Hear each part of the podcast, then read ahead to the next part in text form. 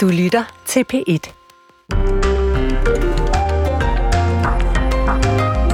Godmorgen og velkommen til P1 Morgen. I øh, den her udsendelse, der skal vi til blandt andet til, øh, til Randers, fordi naboerne til øh, jordrensningsvirksomheden Nordic Waste, de får endelig mulighed for at øh, stille spørgsmål til Randers Kommune. Og det her, det er jo sagen, som øh, helt tilbage i december begyndte, hvor med at millioner af tons forurenet jord satte sig i bevægelse, og som risikerer i værste fald at udløse en kæmpe miljøkatastrofe, hvis altså det ender i den nærliggende Aling Å. Ja, men i aften, der bliver der holdt informationsaften i Randers Kommune. Det er kommunen selv, der holder den her informationsaften. Men øh, hvis man skal tro en biolog og lystfisker, så er den her kommune slet ikke til at stole på. Øhm, han har selv været ude og tage analyser, tage analyser af vandkvaliteten, og øh, det han har fundet frem til, ja, at det er, at hans analyser ikke svarer til kommunens analyser. Vi taler med ham cirka kvart i syv. Og i går kom det frem, at to af Ruslands dyreste og mest avancerede overvågningsfly er blevet skudt ned af det ukrainske luftvåben. Men hvordan har de gjort det, og hvor stort et slag er det for russerne?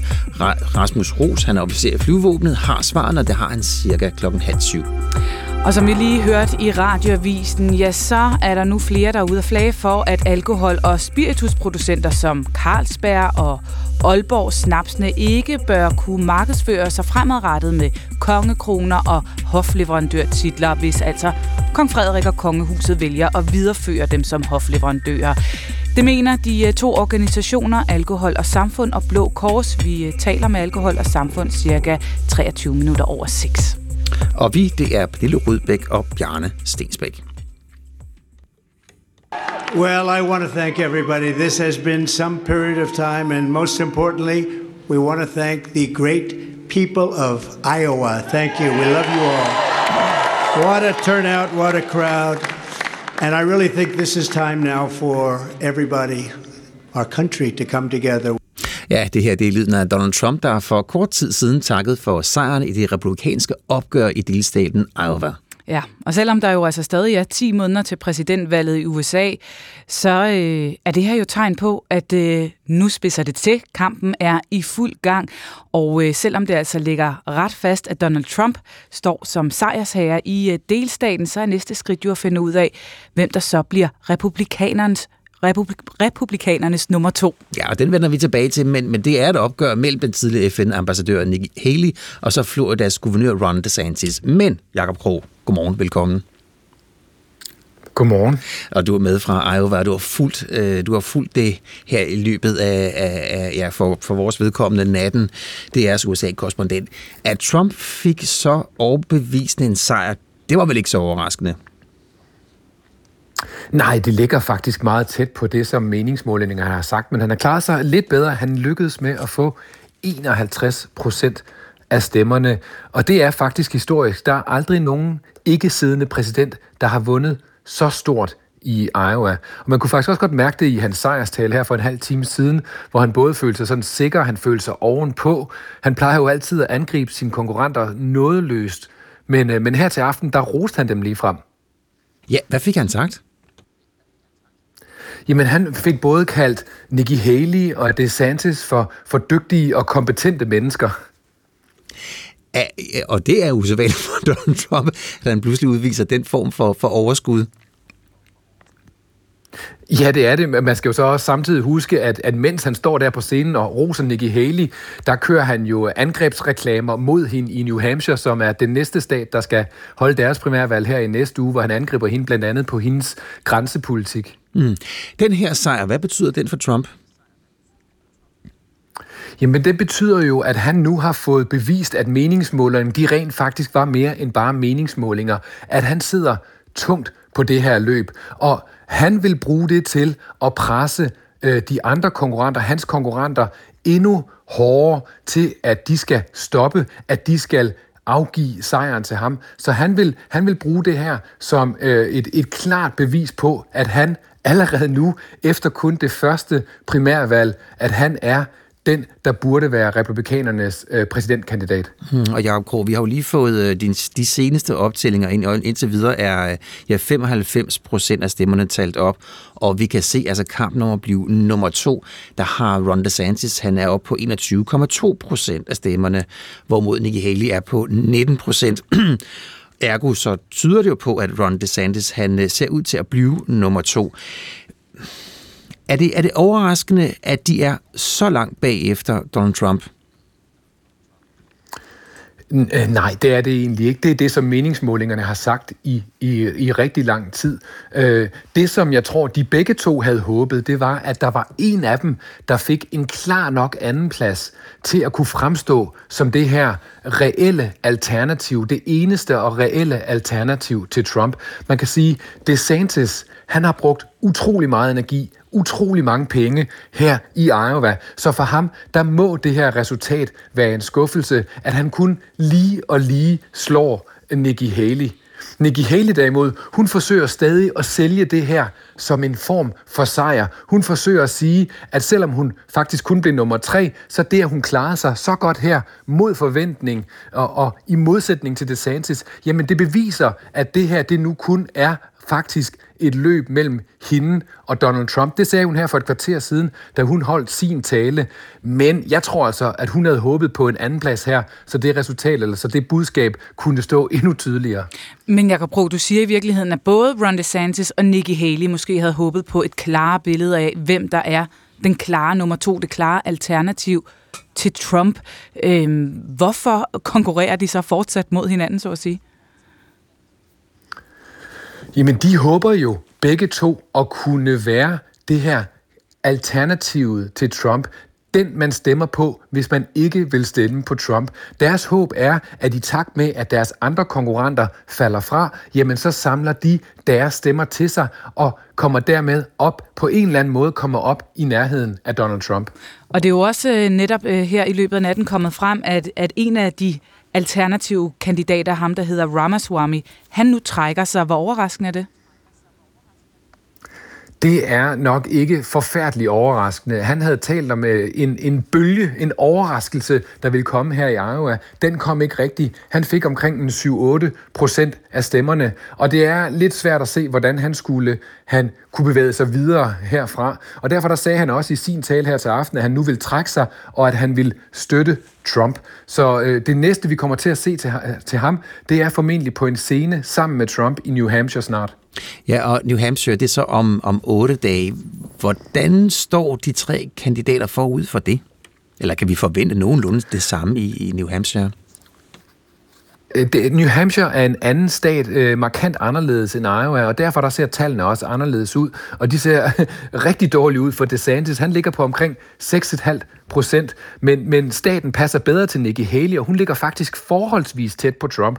Hun står til 29 procent, han står til 43 procent. Det er jo altså stadig en klar føring til, til Trump, men det er markant tættere, end det er her i Iowa.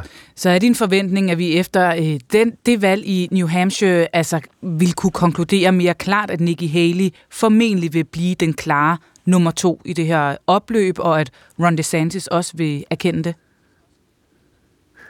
Jeg vil passe på med at komme med alt for, for, for standhaftige øh, forudsigelser så tidligt i forløbet. Både Iowa og New Hampshire er to stater, der ikke nødvendigvis minder super meget om sådan gennemsnittet øh, af stater her i USA. Men, men hvis Nikki Haley klarer sig rigtig godt, og øh, DeSantis klarer sig lige så skidt, som han står til, jamen så kan det blive svært for, for DeSantis at blive ved. Øh, Nikki Haley derimod, hun vil, hun vil stadig, hun vil stå endnu mere som et reelt alternativ til Trump, i modsætning til DeSantis. Lød det fra dig, Jacob Krog. Mange tak.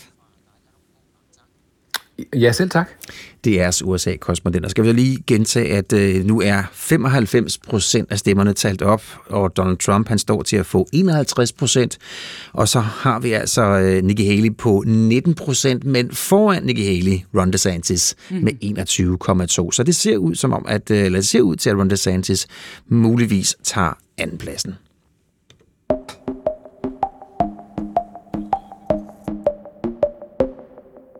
Uroen omkring det røde hav bliver ved med at brede sig. Nu erklærer det østafrikanske land Somalia sig klar til krig, hvis ikke en ny kystaftale mellem Etiopien og den somaliske udbryderregion Somaliland trækkes tilbage. Den etiopiske regering vil nemlig lege 20 km af kysten i Somaliland, og det er gennem 50 år. Men Somalia siger, at øh, den går ikke det område, det er nemlig deres. Og så godmorgen til dig, Stig Jensen. Godmorgen lektor på Afrikastudier på Københavns Universitet. Altså, Somalia lover krig, hvis Etiopien ikke trækker den her aftale tilbage. Hvorfor har Somalia overhovedet noget at skulle have sagt i forhold til den aftale?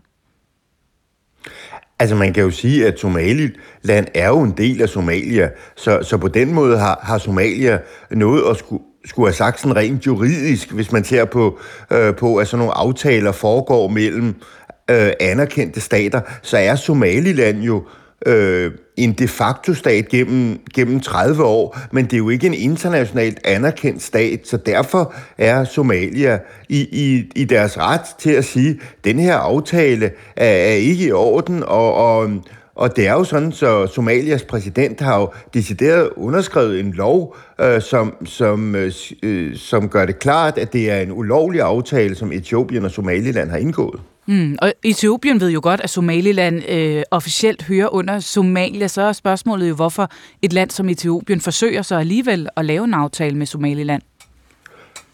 Jo, men det er jo fordi, at Etiopien har et enormt behov for at komme ud til havet, for adgang til en havn.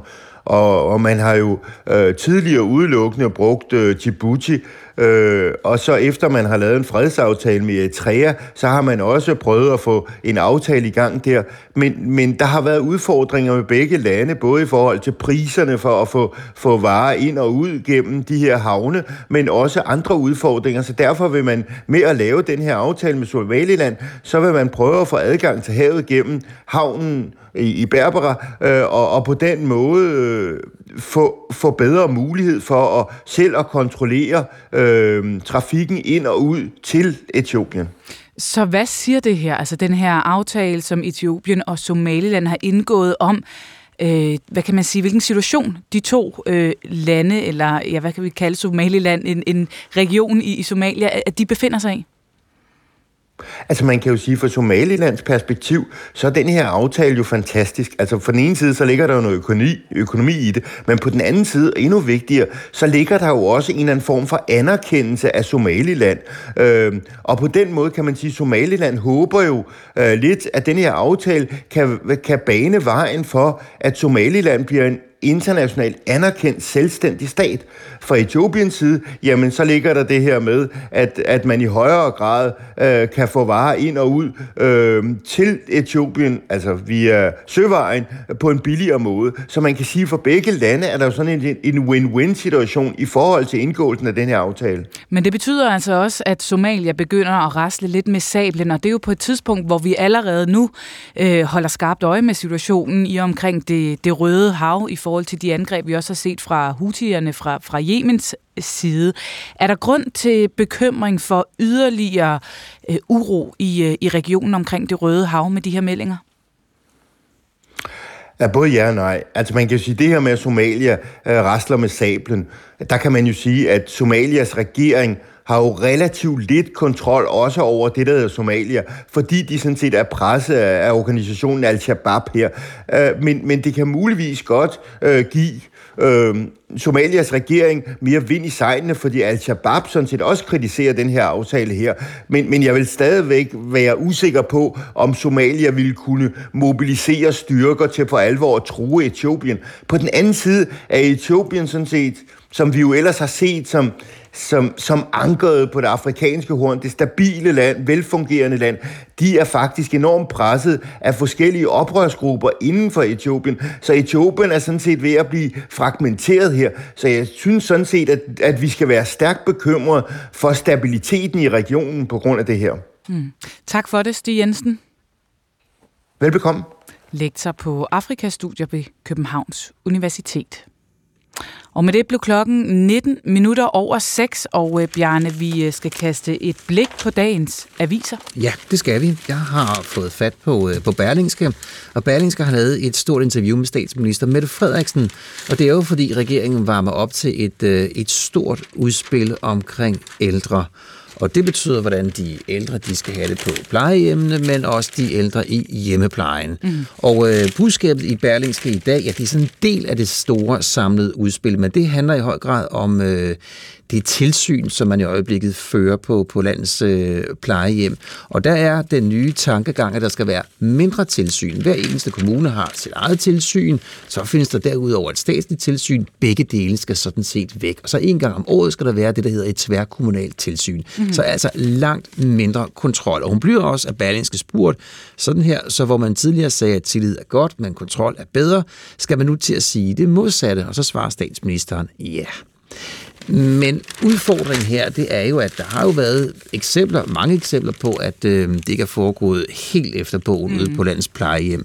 For eksempel altså den statslige, statslige tilsyn, det hedder Styrelsen for Patientsikkerhed.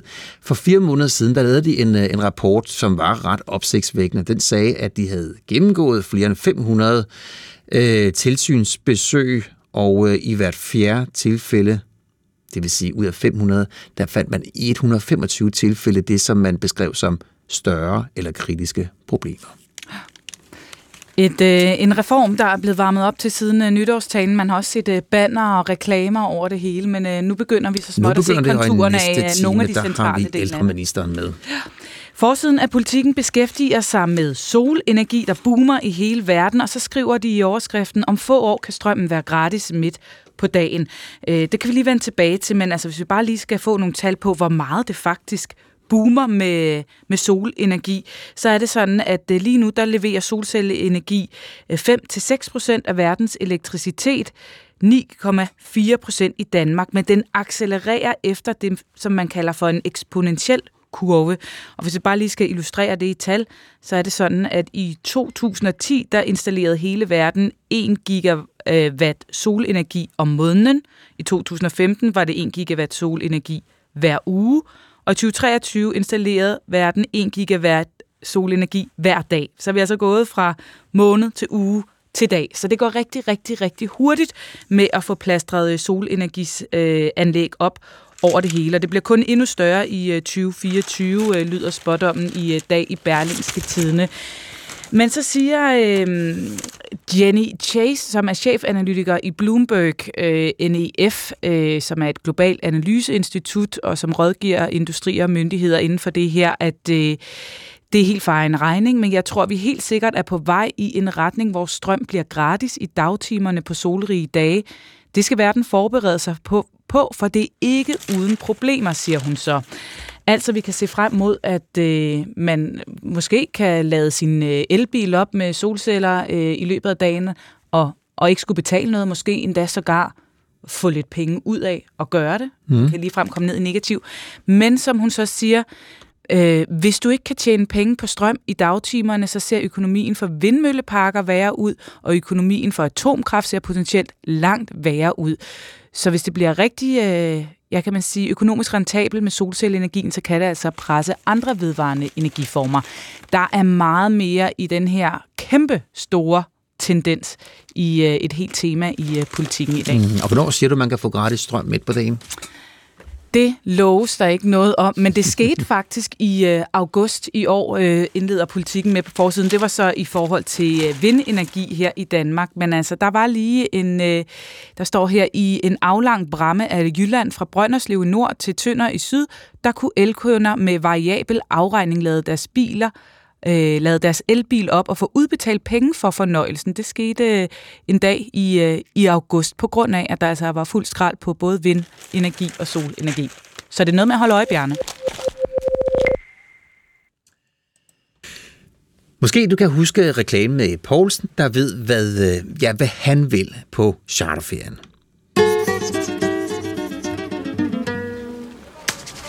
Nå, er jeg mand, der lige henter to tuborg nu, eller hvad? Der er lige en ting der, vi har glemt at fortælle om, Poulsen. Tager de ikke mod dansk penge, eller hvad? Det er værre end det. Altså, jeg tror slet ikke, de har Tuborg. Hvad skal vi så drikke? Ja, og det lyder jo meget muntert og sjovt. Mm-hmm. Og det er jo også sådan, at i mere end 100 år, der har vi haft øh, kongelige hofleverandører, som jo er den her særlige anerkendelse af en virksomhed ud fra ja, vurdering af kvalitet, forretningsførelse, samfundsansvar og ordentlighed. Og blandt de her hofleverandører, ja, der har der altså været øh, masser af alkoholleverandører også. Ja, fordi nogle af de kendte, det er Carlsberg, det er Tuborg, og det er de danske spritfabrikker, der har det her særlige mærke med en kongekrone. Men nu lyder opfordringen, at den nye kong Frederik den 10. han bør overveje, hvilke signaler det sender, når man nærmest blåstempler øl, snaps og anden spiritus. Og det budskab, det kommer fra alkohol og samfund. Og der er du direktør. Godmorgen, Ida Fabricius Brun. Godmorgen. Øh, hvorfor mener I, at kongehuset kan være med til at fremme en usund alkoholkultur? Altså når vi, opfor, når vi kommer med den her opfordring til lige at overveje, øh, om alkohol skal være en del af, af kongelig hofleverandørmærket, så er det egentlig ikke, fordi vi synes, det her det er det største problem, vi har i forhold til, øh, til markedsføring af alkohol i, øh, i Danmark. Men det er, fordi nu har man den her øh, mærkning op til overvejelse, og så synes vi, det er en fin anledning til lige at kigge listen igennem overveje dels, om alkoholproducenter overhovedet skal være, skal være på den her liste, om, om det sender et, et, et skidt signal. Og hvis man vil fortsætte med det, så lige at overveje balancen, for der er rigtig mange øh, alkoholproducenter i forhold til, øh, til andre, øh, andre varer på den her liste. Så hvor stort et problem mener I, at det er? Jeg mener ikke, at det her det er et kæmpe stort problem, men jeg synes, der er en signalværdi i det. Den her mærkning, den har jo eksisteret i, øh, i 100 år, og i løbet af de 100 år er vi blevet meget klogere på øh, alkohols betydning for, øh, for folkesundheden. Alkohol er jo den tredje største risiko for, øh, for vores folkesundhed, og, øh, og derfor så, så er det måske værd at overveje, om det er, øh, om det er, er produkter, som man øh, som kongehus øh, gerne vil, øh, vil hjælpe til med at brande med den her mærkningsordning. Så mener du, at tiden generelt bare er løbet fra, at øh, et kongehus kan blåstemple alkoholproducenter, eller er det okay, hvis der optræder en eller to alkoholproducenter som hofleverandør? Dybest set, synes, jeg synes jo, at, at tiden er løbet fra det, men, men det er jo kongehuset selv, der skal, øh, der skal foretage den vurdering. Øh, og jeg synes, hvis man så vil fortsætte med det, så synes jeg, man skal, man skal finde balancen i det, så alkohol ikke fylder så forholdsvis meget, som, øh, som det gør lige nu. Hmm, men det er jo ikke, hvis man skal gå sådan lidt, øh, lidt, lidt kritisk til dig, så er det jo ikke en opfordring til at drikke mere, så, så, så, så hvorfor rejser du overhovedet diskussionen? Nej, og det er også derfor, jeg siger, at det her det er nok ikke øh, på listen over de, øh, de allervigtigste tiltag, vi synes, man skulle, øh, man skulle gøre i verden. Men, men der er jo det med alkohol, at det er meget øh, nærværende alle vegne øh, her i, øh, i landet. Og, øh, og vi har også sådan lidt en tendens til at tænke, at det ikke er så farligt, og det er rigtig hyggeligt. Der er jo også mange alkoholproducenter, der bruger øh, det her kongelige hofleverandørmærke til at understøtte et brand om, at, at alkohol er noget særligt dansk, og det er næsten, øh, næsten sådan en... En nødvendighed for at, at være en del af fællesskabet, at man drikker. Og, og der, det kan kongehuset jo være med til at understøtte mere eller mindre det brand. Så er det sådan, ser du det nærmest som en blåstempling af, at alkohol er en del af den danske kultur? Det kan det i hvert fald godt være, og samtidig så synes jeg jo også, at når vi har et kongehus, som jo gerne skal være kongehus for hele folket, så er det jo også værd at have med i overvejelserne, at der altså er øh, op imod 500.000 øh, mennesker, som har alkoholproblemer i øh, svær eller moderat grad, og der er 109.000 øh, øh, børn, der vokser op i, øh, i familier med alkoholproblemer. Og for dem er sådan en liste, hvor der, hvor der optræder så mange alkoholproducenter, måske ikke øh, den bedste måde at repræsentere dem på. Så hvad forventer I, at den nye kong Frederik den 10. skal gøre? jeg, jeg forventer ikke noget som helst øh, på det her område, og jeg, jeg har ikke nogen som helst øh, formodning om, hvad det, er, de, øh, hvad det er, de diskuterer i kongehuset. Men jeg håber da, at de vil tage det her med i overvejelserne. Også for et kongepar, som jo har, øh, har brugt øh, ret meget øh, energi på at fremme netop folkesundhed. Både den fysiske og den mentale folkesundhed. Og vi ved, at alkohol har en, øh, en indvirkning på, øh, på begge dele negativt. Øh, og, og derfor vil det da være, være værd lige at, at overveje. At overveje. Lød det fra dig, Ida Fabricius Brun? Mange tak for, at du var med her til morgen, og du er altså direktør i Alkohol og Samfund. Og det har ikke været muligt at få en kommentar fra Kongehuset, og Carlsberg har heller ikke nogen kommentar, mens det finske selskab Anora, der producerer Aalborg Snaps, siger, at hofleverandørtitlen den er vigtig for deres forretning. Ja, Bryggeriforeningen vil heller ikke interviews, men direktør Nick Hækkerup han har sendt følgende på en e-mail til os. Hvorvidt danske bryggerier også fremover skal kunne kalde sig kongelig hofleverandør, ja, der overlader vi trygt til hoffet.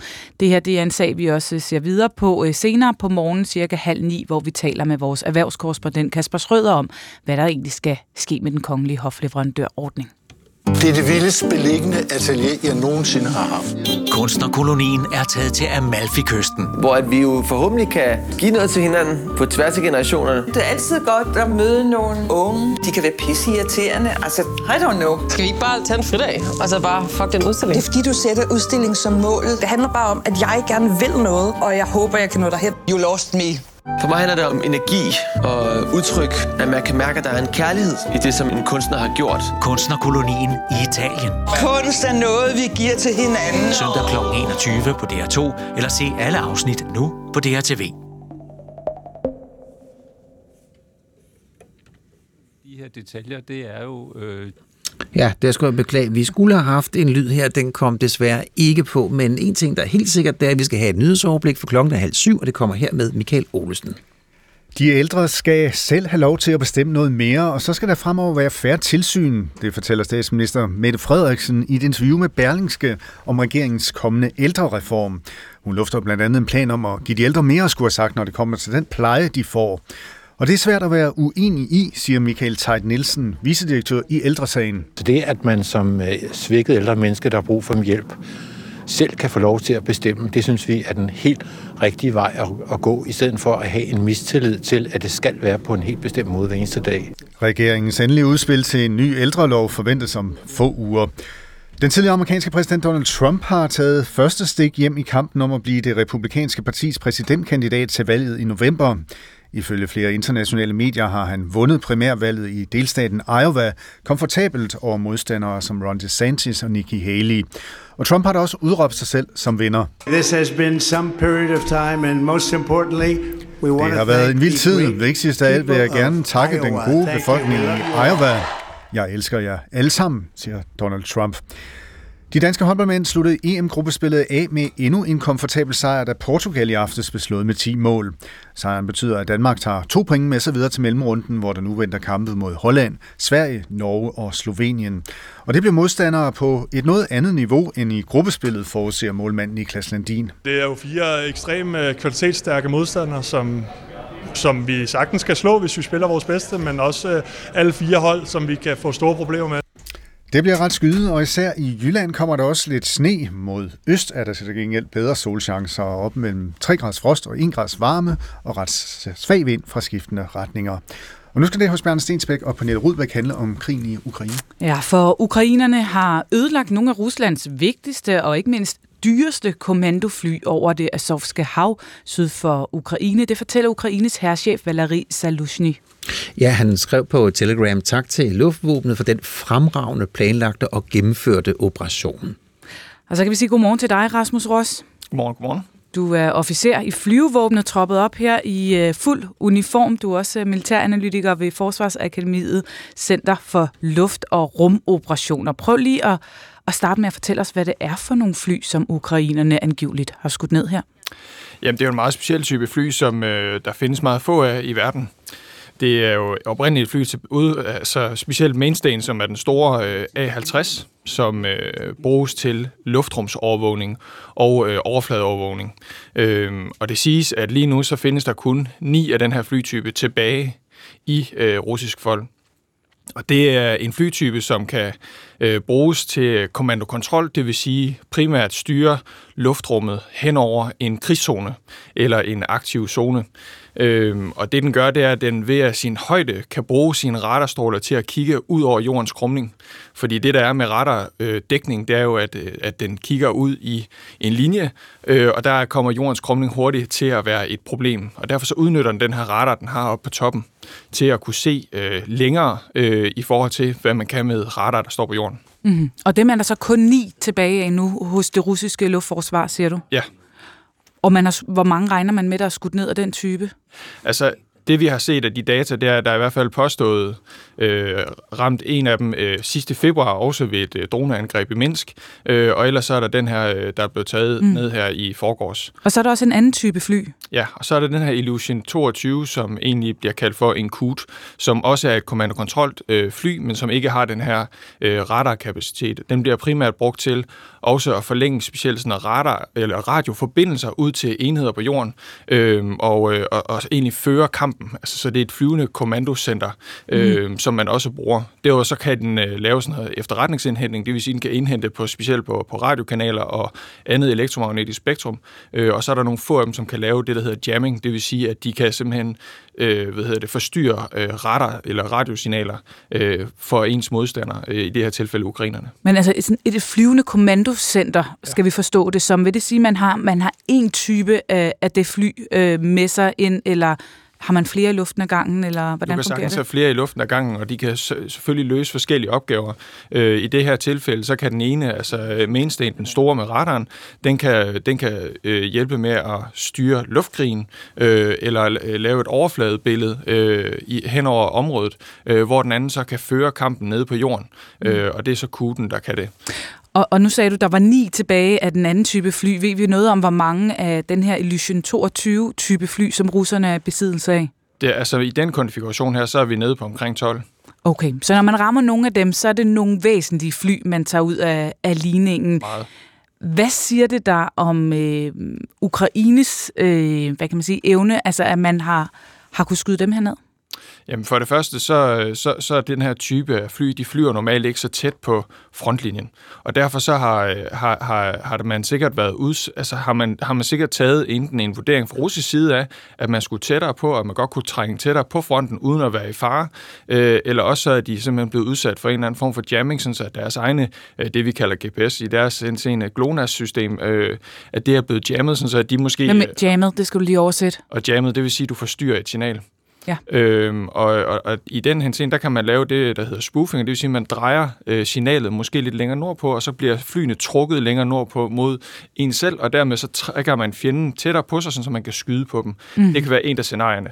Et andet scenarie, det kan være, at, at russerne simpelthen har følt sig trygge i det her område. De har fløjet længe, de har været i krig længe, og man, man har en tendens til at, at slappe af i sit operationsområde, og bliver ikke uds- føler ikke, at man bliver udsat for noget.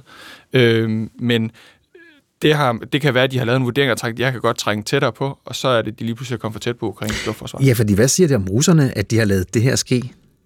Altså, det siger jo lidt om russerne, at de måske er blevet øh, lidt for, for rolige øh, i det område. Altså, de er blevet for vant til, at de måske har for fri manøvrefrihed i det område, øh, og måske har taget en chance.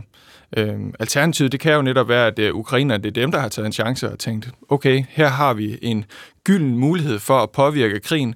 Vi trækker vores systemer længere frem, dem som de her systemer egentlig er lavet til at jage, øh, og det kan være de her nye udleverede Patriot-systemer fra øh, Vesten, øh, som netop kan nedskyde de her systemer, altså de her flytyper. Og øh, normalt så vil du også, ligesom med, med, med Mainstain og Kuten, holde dem bag dine egne linjer, pas på dem, fordi det er det, er det man kalder et gyldent æg, jamen så, så øh, har man måske trukket dem længere frem for at kunne påvirke krigen og tage, lave den her byttehandel. Man har simpelthen lavet en risikovurdering og tænkt, det kan simpelthen øh, være en gyld mulighed for, at vi kan tage den her mm. øh, enhed ud. Og så taler man jo meget om det teknologiske kapløb mellem Rusland og Ukraine, og efter alt det, hvad Ukraine har fået leveret fra, fra Vesten, kan man så her sige, eller kan det her være et udtryk for, at øh, Ukraine på visse punkter er ved at få et teknologisk overhånd? Det, det kan man godt sige, ja. Det kan man sagtens. Altså man kan sige, at den her flytype, den er jo tilbage øh, fra slut 70'erne. Altså det er jo en sovjet-æra flyver, specielt mainstayen, det er, det er jo en gammel, gammel dame.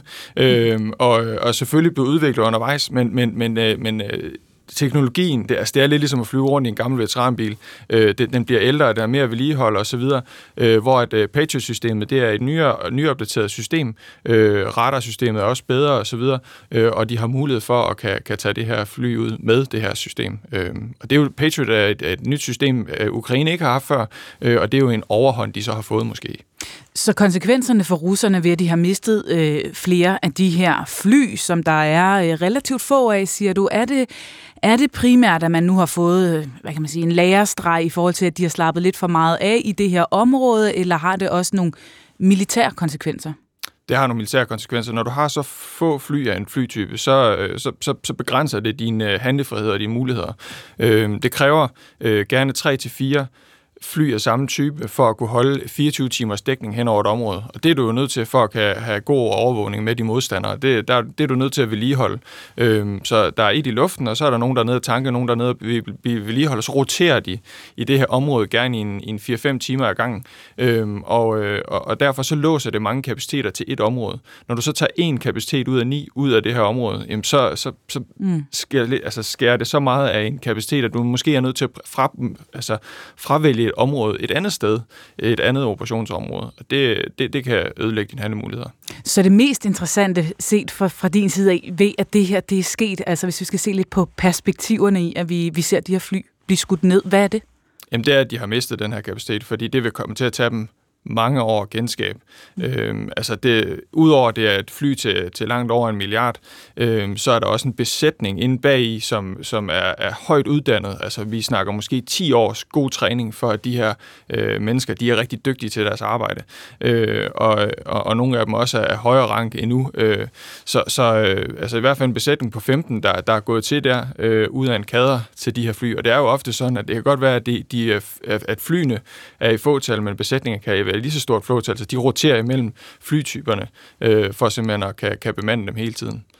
Tak for det, Rasmus Ross. Officer i flyvåbnet flyvevåbnet og militæranalytiker ved Forsvarsakademiets Center for Luft- og Rumoperationer. Og med det blev klokken 20 minutter i syv.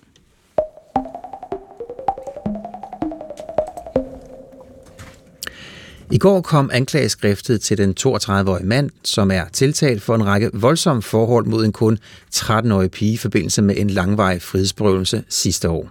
Og detaljerne i anklageskriftet er voldsomme, ja faktisk så voldsomme, at flere nu beder pressen om at tilbageholde de voldsomste detaljer i anklageskriftet. Blandt andre børns vilkår. I øh, går sagde Rasmus Kjeldahl, der er direktør i børns vilkår, sådan her i øh, vores program P1 Orientering. Problemet med de her detaljer, det er jo, øh, de sætter tanker i gang øh, hos omgivelserne, klassekammerater, nogen man måske ikke har mødt endnu, fremtidige venner, kærester, hvad ved jeg, øh, og, øh, og afføder en masse spørgsmål, som gør, at offeret kan komme til at hænge fast i det her, og egentlig ikke bare komme videre øh, med sit liv. Så, mm.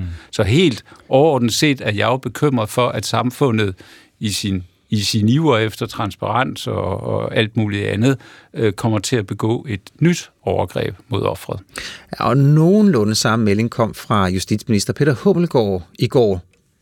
Ja, han øh, sagde over for øh, TV2, at han også håber, at medierne nu vil gøre sig ekstra umage med at vise hen, hensyn, sagde altså justitsminister Peter Hummelgaard. Og øh, den opfordring, ja, den er ny, det mener du, Frederik Strand. Du er museumsleder ved øh, Politimuseet i København. Ja, godmorgen. Godmorgen.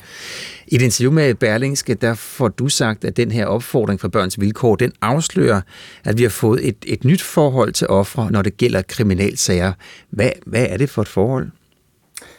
Ja, altså først vil jeg selvfølgelig sige, at opfordringen, den, den, det afspejler selvfølgelig, at sagen er altså, meget bestialsk, øh, øh den, det sagskompleks, vi ser her.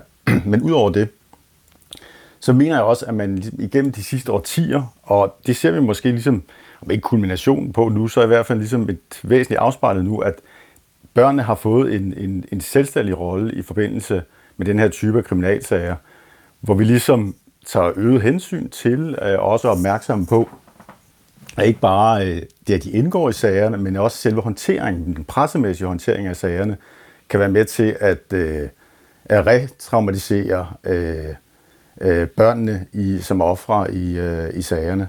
Øhm, også have en eller anden form for negativ effekt på, øh, på deres øh, videre udvikling. Og det tror jeg egentlig er, er nyt. Øhm, hvis vi går længere tilbage i tiden, øh, lad os, altså for eksempel ser på Tøndersagen fra 2005, øh, som var en voldsom overgrebssag, så havde man ikke samme hensyn efter min opfattelse. Der kom der flere detaljer frem. Mm. Ser vi på en af de andre store serieforbrydersager, altså for eksempel Amagermandssagen, så er der en meget voldsom øh, firedobbelt voldtægt tilbage i midten af 1990'erne. Øhm, og der er der heller ikke samme hensyn, øh, så vidt jeg kan se. Der, der, der, der bliver langt flere detaljer udpenslet. Så det er i virkeligheden en interessant udvikling, øh, vi ser her i forhold til omtalen af, af kriminalsager. Og som måske nu får et ekstra nyk med, med de her meldinger om, øh, altså de her opfordringer om, at medierne skal tage øget hensyn også. Hvis vi kigger lidt nærmere på øh, den udvikling, der er sket siden øh, nogle af de sager, du nævner her, så har vi jo været igennem øh, inden for i hvert fald populærkultur en, en øh, true crime-bølge, altså alle de her podcaster, dokumentarer og serier, hvor man virkelig dykker ned i nogle øh, makabre øh, kriminalsager, dyrker alle de her detaljer.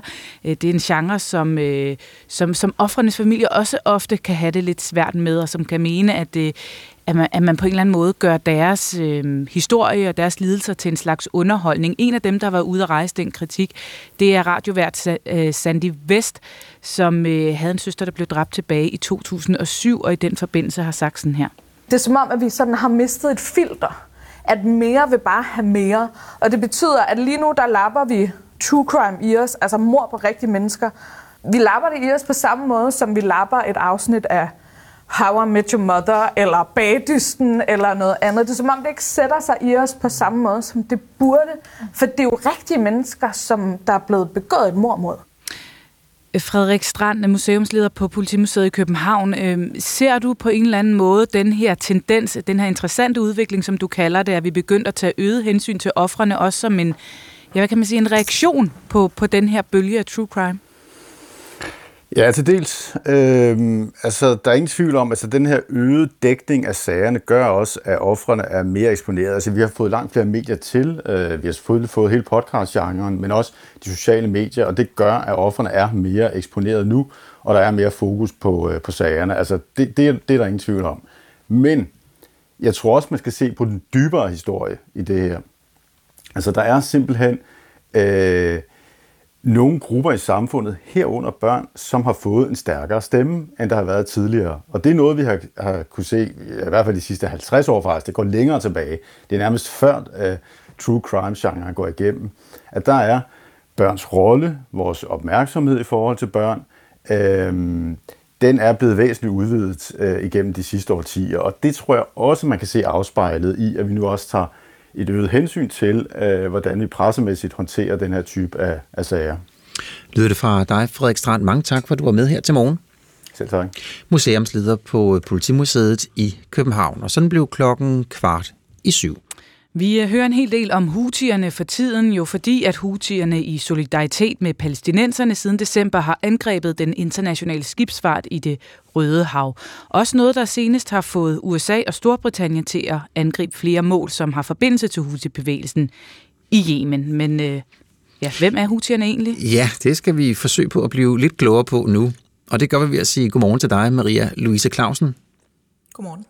Du er seniorforsker på Dansk Institut for Internationale Studier, og du har et særligt fokus på, øh, på netop Yemen. Hvordan skal vi forstå hutierne som, øh, som gruppe? Hvad kendetegner dem? Hvad er det, de kæmper for? Jamen for det første så bliver Houthierne jo tit omtalt som sådan en iransk støttet milits, men, øh, men det er lidt misvisende af to årsager. Øh, for det første så kan det jo føre til, at vi undervurderer dem. Øh, de har udviklet sig til en stærk militær og politisk magt i Yemen. De har kontrolleret hovedstaden Sanaa og omkring to tredjedel af jemenitterne, øh, altså omkring 20 millioner siden september 2014. Øhm, for det andet, så er Houthierne pragmatiske. Altså hvis deres politik passer med Iran, som den gør lige nu, så er det fint, men, men de har også deres egne prioriteter. Det er en intern jemenitisk bevægelse med lange historiske rødder, øhm, og det er vigtigt for dem, at de fremstår som repræsentanter for Yemen. Øh, de begyndte som en mindre bevægelse i politisk og militær opposition til den daværende præsident i Yemen, øh, med udgangspunkt i, hvad de oplevede som politisk, økonomisk og kulturel marginalisering på grund af deres øh, øh, identitet som sejdier. Mm. Så, så hvad er det øh, for et Yemen og, og for, for et samfund, som øh, Houthierne kæmper for? Jamen for det første, så, øh, så præsenterer husierne ikke deres, øh, deres kamp som en intern jemenitisk kamp. De præsenterer deres kamp som en kamp mod ekstern aggression. Altså siden marts 2015 har, øh, har Saudi, en saudisk ledet øh, øh, koalition været involveret i, øh, i Yemen, og det, og det husierne siger, det er, at de forsvarer Yemen, hele Yemen, mod den her øh, saudiske, ofte siger de faktisk amerikansk-saudiske øh, aggression. Øhm, internt i Yemen præsenterer de sig øh, særligt i den tidlige fase som et alternativ til den siddende elite, der havde domineret i årtier. Øh, de talte om, en, øh, om, at de gerne vil have en demokratisk stat, de vil have et opgør med korruption osv. Øh, men så samtidig så mener de til sydenlandet, at landet skal ledes af personer, der nedstammer fra profeten Mohammed, ligesom dem selv. Og det er sådan lidt svært at se, hvordan det så passer med sådan et repræsentativt demokrati. Mm. Øh, samtidig så har vi jo så også set, at den måde, som de faktisk regerer på, fordi de har regeret i store områder af Yemen siden øh, september 2014, er ret repressiv. Altså for eksempel er der et, et ret øh, totalt fravær af frie medier. Hmm, så hvordan står øh, hutierne i Yemen internt? Altså er der opbakning blandt befolkningen, og, og altså hvor stor magt har hutierne? Jamen altså, det, er jo, det er jo svært at sige præcis, hvor, øh, hvor populære de er, om man vil, fordi de netop også er ret repressive. Man kan sige, at de har kontrolleret omkring to tredjedel af jemenitterne, altså omkring 20 millioner, øh, i snart 10 år. Øhm, men vi ser også, at lige så snart, at de ikke ligesom har den her øh, eksterne aggression at tale op imod, jamen så begynder der at opstå intern kritik mod den her meget repressive øh, styreform, de har. Øhm, så det er også derfor, at det måske kan lyde lidt mærkeligt, men for Houthierne er det faktisk en propagandasejr at kunne sige, at de er i direkte konflikt med USA. Altså det booster virkelig deres øh, popularitet, både nationalt og regionalt. Og det har det her med, at det ligesom tager fokus for interne problemer og undertrykkelse, øh, fordi det viser, at Houthierne øh, mener det alvorligt, og at de ikke lader sig styre af vestlige interesser. Men det betyder jo også, at vi har set angreb på jorden i Yemen, altså noget, der begynder at ramme øh, civilbefolkningen også i Yemen. Kan det ikke på en eller anden måde også øh, være risikabelt for hutierne at involvere sig så meget i øh, den her konflikt? Altså for det første, så er det jo så også vigtigt at sige netop det her med, at, at husene repræsenterer ikke hele befolkningen. De, kontro- de repræsenterer ikke nødvendigvis alle dem, som, som de kontrollerer. Men, øh, men internt i Yemen, der kan man sige, der kæmper anti fronten virkelig med at finde et modsvar til, til de her angreb, fordi det er lykkes med at præsentere dem som værende til støtte for palæstinenserne. Øh, det gør det vanskeligt at kritisere dem, ligegyldigt hvor nærmest negative konsekvenser de har for Yemen. Øhm, øh, den internationalt anerkendte regering og anti fronten har øh, forsøgt at understrege, at, at Houthierne øh, agerer uansvarligt, og at de er parate til at forværre den humanitære krise i Yemen for ligesom at vinde billige point på, på konflikten i Gaza. Gaza samtidig med, at, øh, at Houthierne underminerer de igangværende fredsforhandlinger i Yemen. Men indtil videre, så må man bare sige, at, øh, at der har det været Houthierne, der er, er lykkedes med at positionere sig som nogen, som agerer stærkt mod Israel, og det er bare øh, enormt populært. Mm-hmm. Tak for det, Maria Louise Clausen. Selv tak. Seniorforsker på Dansk Institut for Internationale Studier, altså med særligt fokus på Yemen. Og øh, med det blev klokken 9 minutter i syv.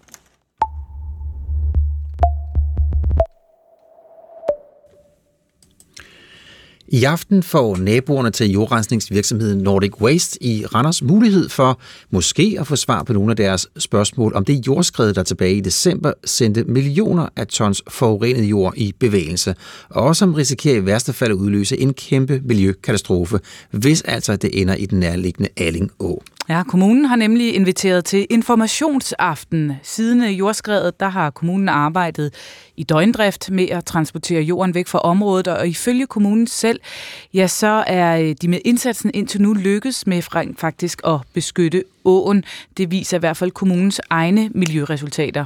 Ja, men dem giver du ikke meget for, Sten Ulnitz. Godmorgen. Godmorgen, godmorgen. Du er øh, pensioneret biolog, du er lystfisker i blandt andet Alling Å. Ja. Og, og så er du derudover også medlem af det, som Randers Amtsavis har døbt for øh, den hemmelige gruppe. Og den, oh, hem- ja.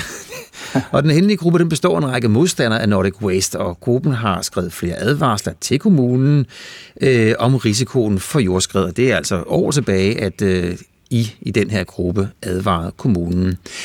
Hvad så sent det, som sidste år gjorde vi også. Så sent som sidste år. Hvad er det, du mener, der er galt med de miljøresultater, som øh, kommunen i øjeblikket præsenterer jer for? Jamen, jeg kan sige, som udgangspunkt, så behøver der ikke at være noget som helst galt med dem. Man kan bare sige, at nogle af de undersøgelser, der er fortsat, de er sådan fortsat på et mærkeligt grundlag. Man kan sige, for eksempel, så mangler der jo, altså der står ikke en lyd om, om, om kviksøl her. Er det fordi, man, man ved, at der ikke er kviksøl? Og hvis man ved, at der ikke er kviksøl, hvor ved man så det fra? Det er en af tingene, og så er der heller ikke nogen, øh, den der meget kendte BI5-værdi, altså det, det er sådan en uh, størrelse af det biokemiske iltforbrug i forbindelse med alt det jord, der er røget ud i åen her. Den, den var heller ikke til stede på den første dag, den har de så fået med nu her bagefter. Så det virker sådan lidt uh, lemfældigt. Ja, men hvis ikke der er oplysninger om kviksøl, så kunne det vel være, fordi at der ikke er fundet kviksøl. Det kan man håbe på, ja. Mm. Men det Nå, tror bare sådan, I sådan nogle steder her, hvor man dumper alt muligt, har gjort det gennem mange år, der plejer altid at være, til, der plejer altid at være kviksøl til stede. Ja, men hvad får dig til at sige, at øh, det tror du ikke helt på, det her?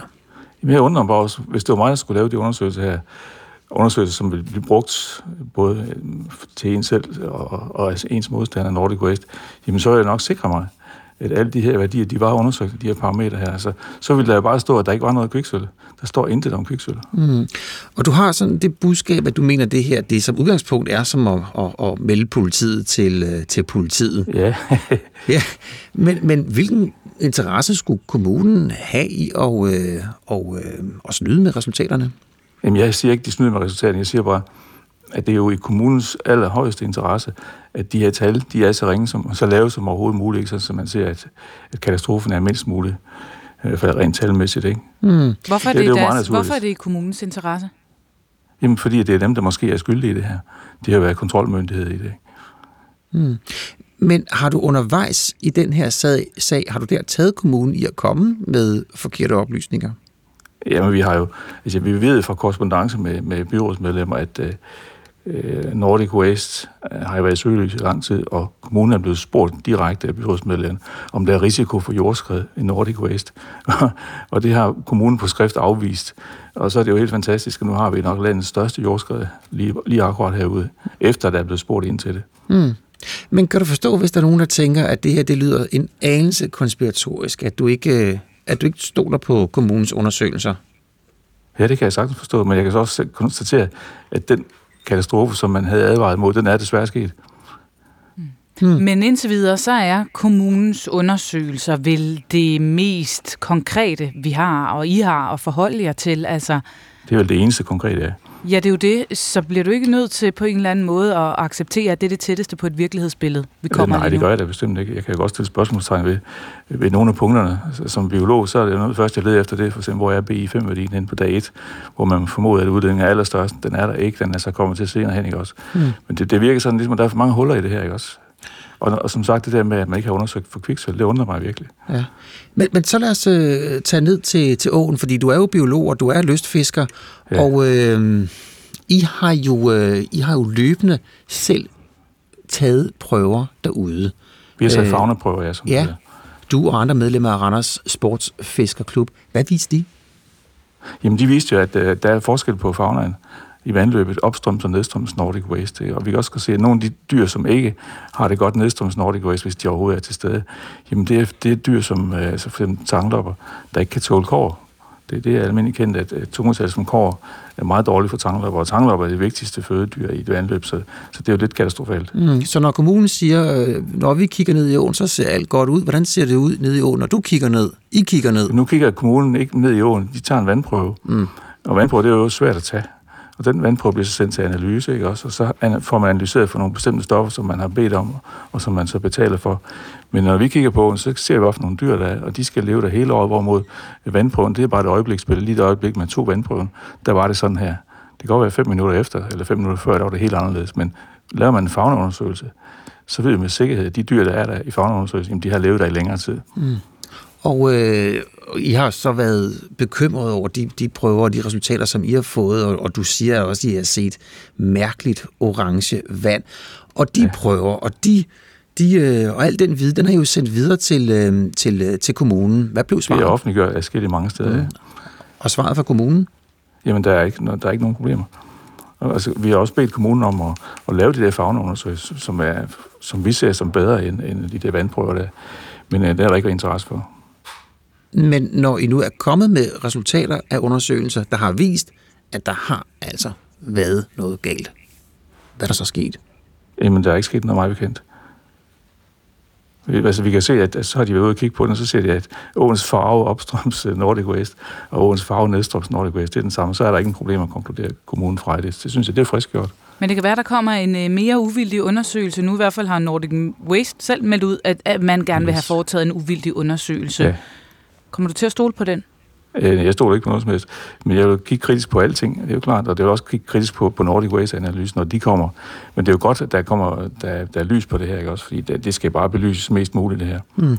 Og du er biolog, har jeg fået sagt mange gange, men du er også lystfisker. Ja. ja. Øhm, fisker du i åen?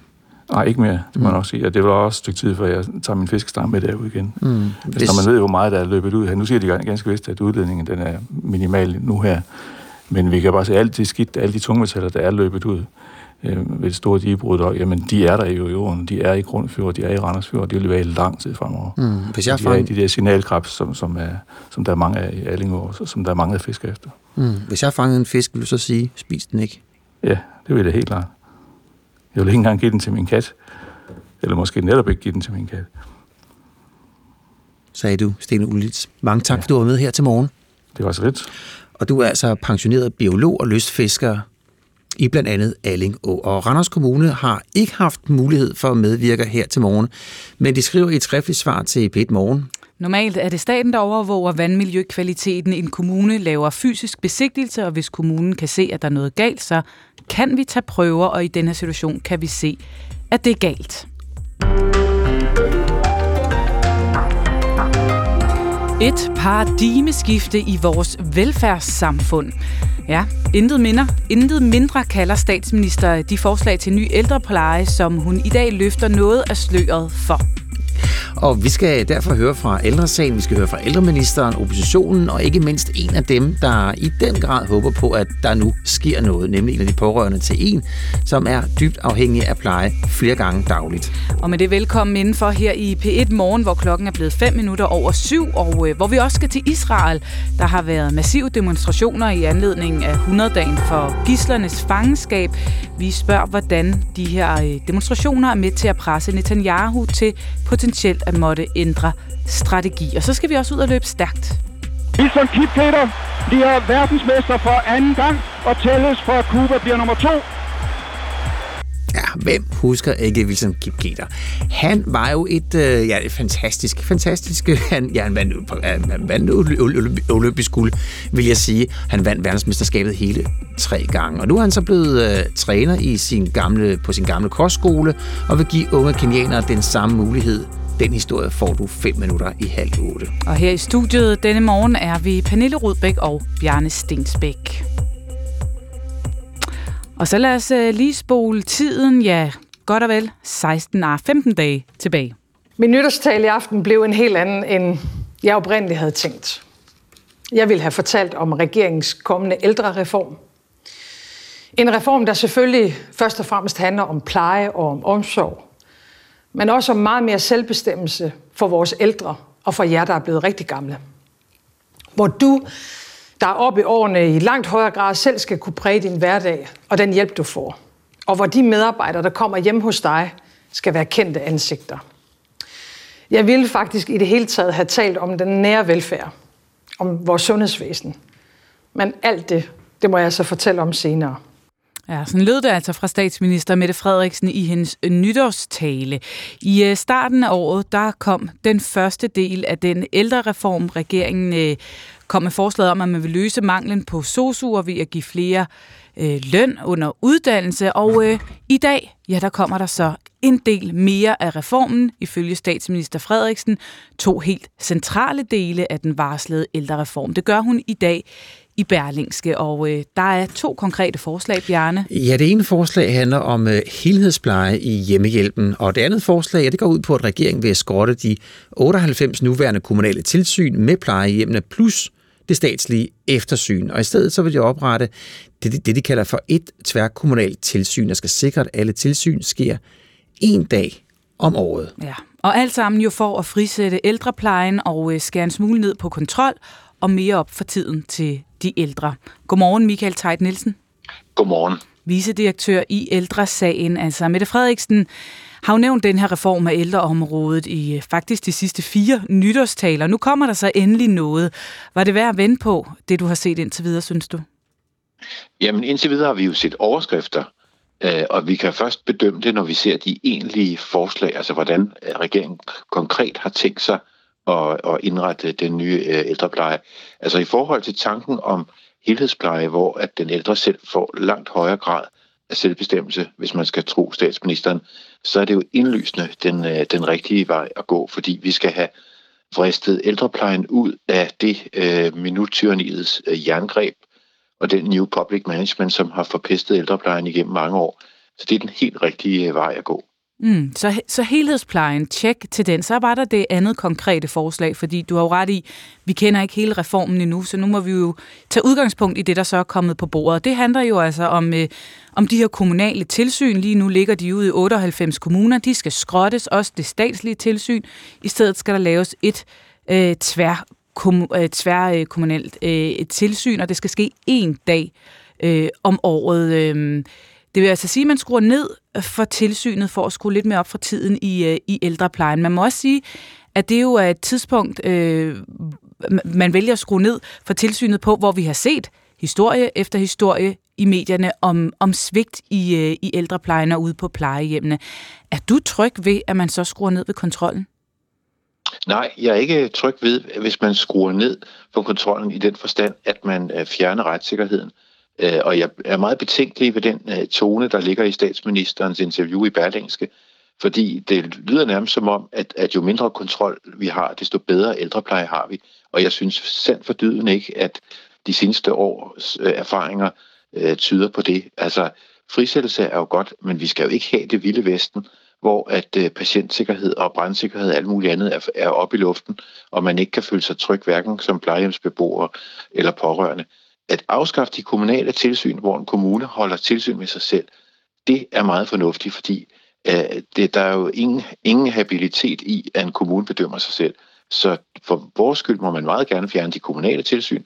Man må meget gerne koordinere de, øh, de øvrige tilsyn, men at sige, at jo mindre tilsyn, desto bedre, det mener jeg er helt ud i hampen. Så det du siger, det er fint nok at reformere det og gøre det på en ny måde, men der skal være lige så meget tilsyn i morgen, som der er i dag. Der skal være så meget tilsyn, så man får øh, fanget de tilfælde, hvor det ikke fungerer. Og så er det rigtig godt med en, en lærende tilgang, men selvfølgelig også med nogle konsekvenser, hvis ikke at øh, der bliver rettet op på, på de fejl, som man ser. Hvad er det, du øh, frygter ved, at man skruer, hvis man skruer ned på, på kontrollen, som det jo ærligt talt lyder, øh, som om der er af det, man, man vil gøre med, med den her øh, reform af tilsynet? Ja, men derfor må vi igen sige, lad os se det endelige udspil, øh, fordi det er ikke klart for mig, øh, at der skal være øh, mindre tilsyn ud fra de, tilsag, ud fra de øh, udtalelser, der er indtil videre.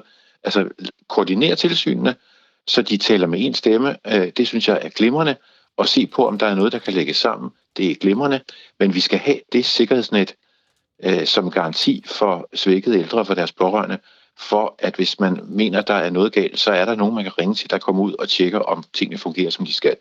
Men et tværkommunalt tilsyn, der en dag om året sørger for, at alle tilsyn ligesom bliver udført samtidig, er det ikke nok? Lad os se, hvordan uh, regeringen vil udforme det, uh, før vi giver det den endelige bedømmelse. Der er nogle gode elementer i det, men der er, vi, er virkelig også uh, nogle betænkeligheder hos os, så vi vil se meget nøje på det præcis udspil, når det kommer. Og de betænkeligheder, hvad går de på? Hvad er det, du frygter?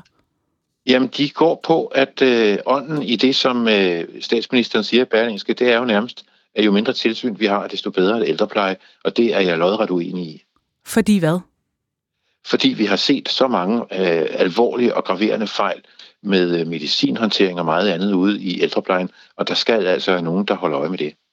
Men det, der også ligger i de budskaber, som vi hører fra statsministeren i dag, er jo, at ved at vi frigør en masse kræfter, som er blevet brugt til kontrol og tilsyn og papirarbejde, så bliver der mere tid til rent faktisk det faglige arbejde med at passe og pleje de ældre, der har brug for den og del af det. Ja, der i har statsministeren virkelig også en pointe, som jeg må give en ret i. Men øh, der tror jeg altså, vi skal kigge, rette kigger den over imod kommunerne selv, og alt det byråkrati og øh, dokumentation, som kommunerne selv har indført, det har jo været øh, erfaring erfaringen fra rigtig mange kommuner, at når man øh, kigger efter, hvad er det egentlig, vi går og laver af byråkrati og udfyldelse af åndssvage skemaer osv., der er det i 50, 70, 80, 90 procent af tilfældene noget, kommunerne selv har pålagt sig selv. Så jeg synes, at det er der, man skal tage fat, i stedet for de tilsyn, der er uafhængige af kommunerne. Men hvis vi for alvor skal have reformeret ældreplejen og løftet kvaliteten i ældreplejen og frigivet flere kræfter til at passe på de ældre, kan det så ikke være nødvendigt? For der er jo ikke uanede midler, der er heller ikke uanet arbejdskraft ude øh, i plejehjemmene og i ældreplejen. Kan det så ikke være nødvendigt at fratage de ansatte nogle af de opgaver, der har for eksempel med kontrol og tilsyn at gøre? Jo, de øh, regler, som kommunerne selv har pålagt sig, og for eksempel bliver jo nu kommunens, øh, kommunens pligt til øh, at holde tilsyn med sig selv, bliver jo fjernet. Der er jo allerede en gevinst der. Og så er der som sagt mange andre øh, byråkratiske tosserier, som øh, man selv har fundet på i, ude i kommunerne, ud fra enkeltsager osv., som man, øh, som man kan rydde op i. Og så er der ikke mindst, hvis vi får øh, frisat visitationen, så man ikke skal bruge en hel masse øh, arbejdsgange og ventetid og så videre på at få ændret de, de mindste minutter og sekunder i den daglige ældrepleje. Så der ligger nogle store gevinster i det, der hedder helhedsplejen, og det er vi meget glade for. Tak for det, Michael Tejt Nielsen. Helt i orden, og have en god dag. Jo, tak. I lige måde, vicedirektør i Ældresagen. Og så kan vi sige uh, godmorgen og velkommen til ældreministeren. Godmorgen. Du hedder Mette Kirkgaard, og du er medlem af Moderaterne. Og vi kan jo høre her på ældresagen, at de er lidt i tvivl. Altså, bliver der mindre tilsyn ved landets plejehjem? Jeg vil sige, at der bliver et bedre tilsyn med landets plejehjem. Øh, fordi der er jo ingen tvivl om, øh, som Michael Tejt også er inde på fra ældresagen, at øh, retssikkerhed i en retsstat selvfølgelig er vigtigt. Øh, men det vi kommer til at gøre med tilsynene er øh, i virkeligheden to ting, øh, og det har alt sammen fokus på at skabe større kvalitet. Det ene er på ældretilsynene alene. Øh, der er i dag faktisk tre ældretilsyn. Der er det kommunale tilsyn, så er der to statslige tilsyn.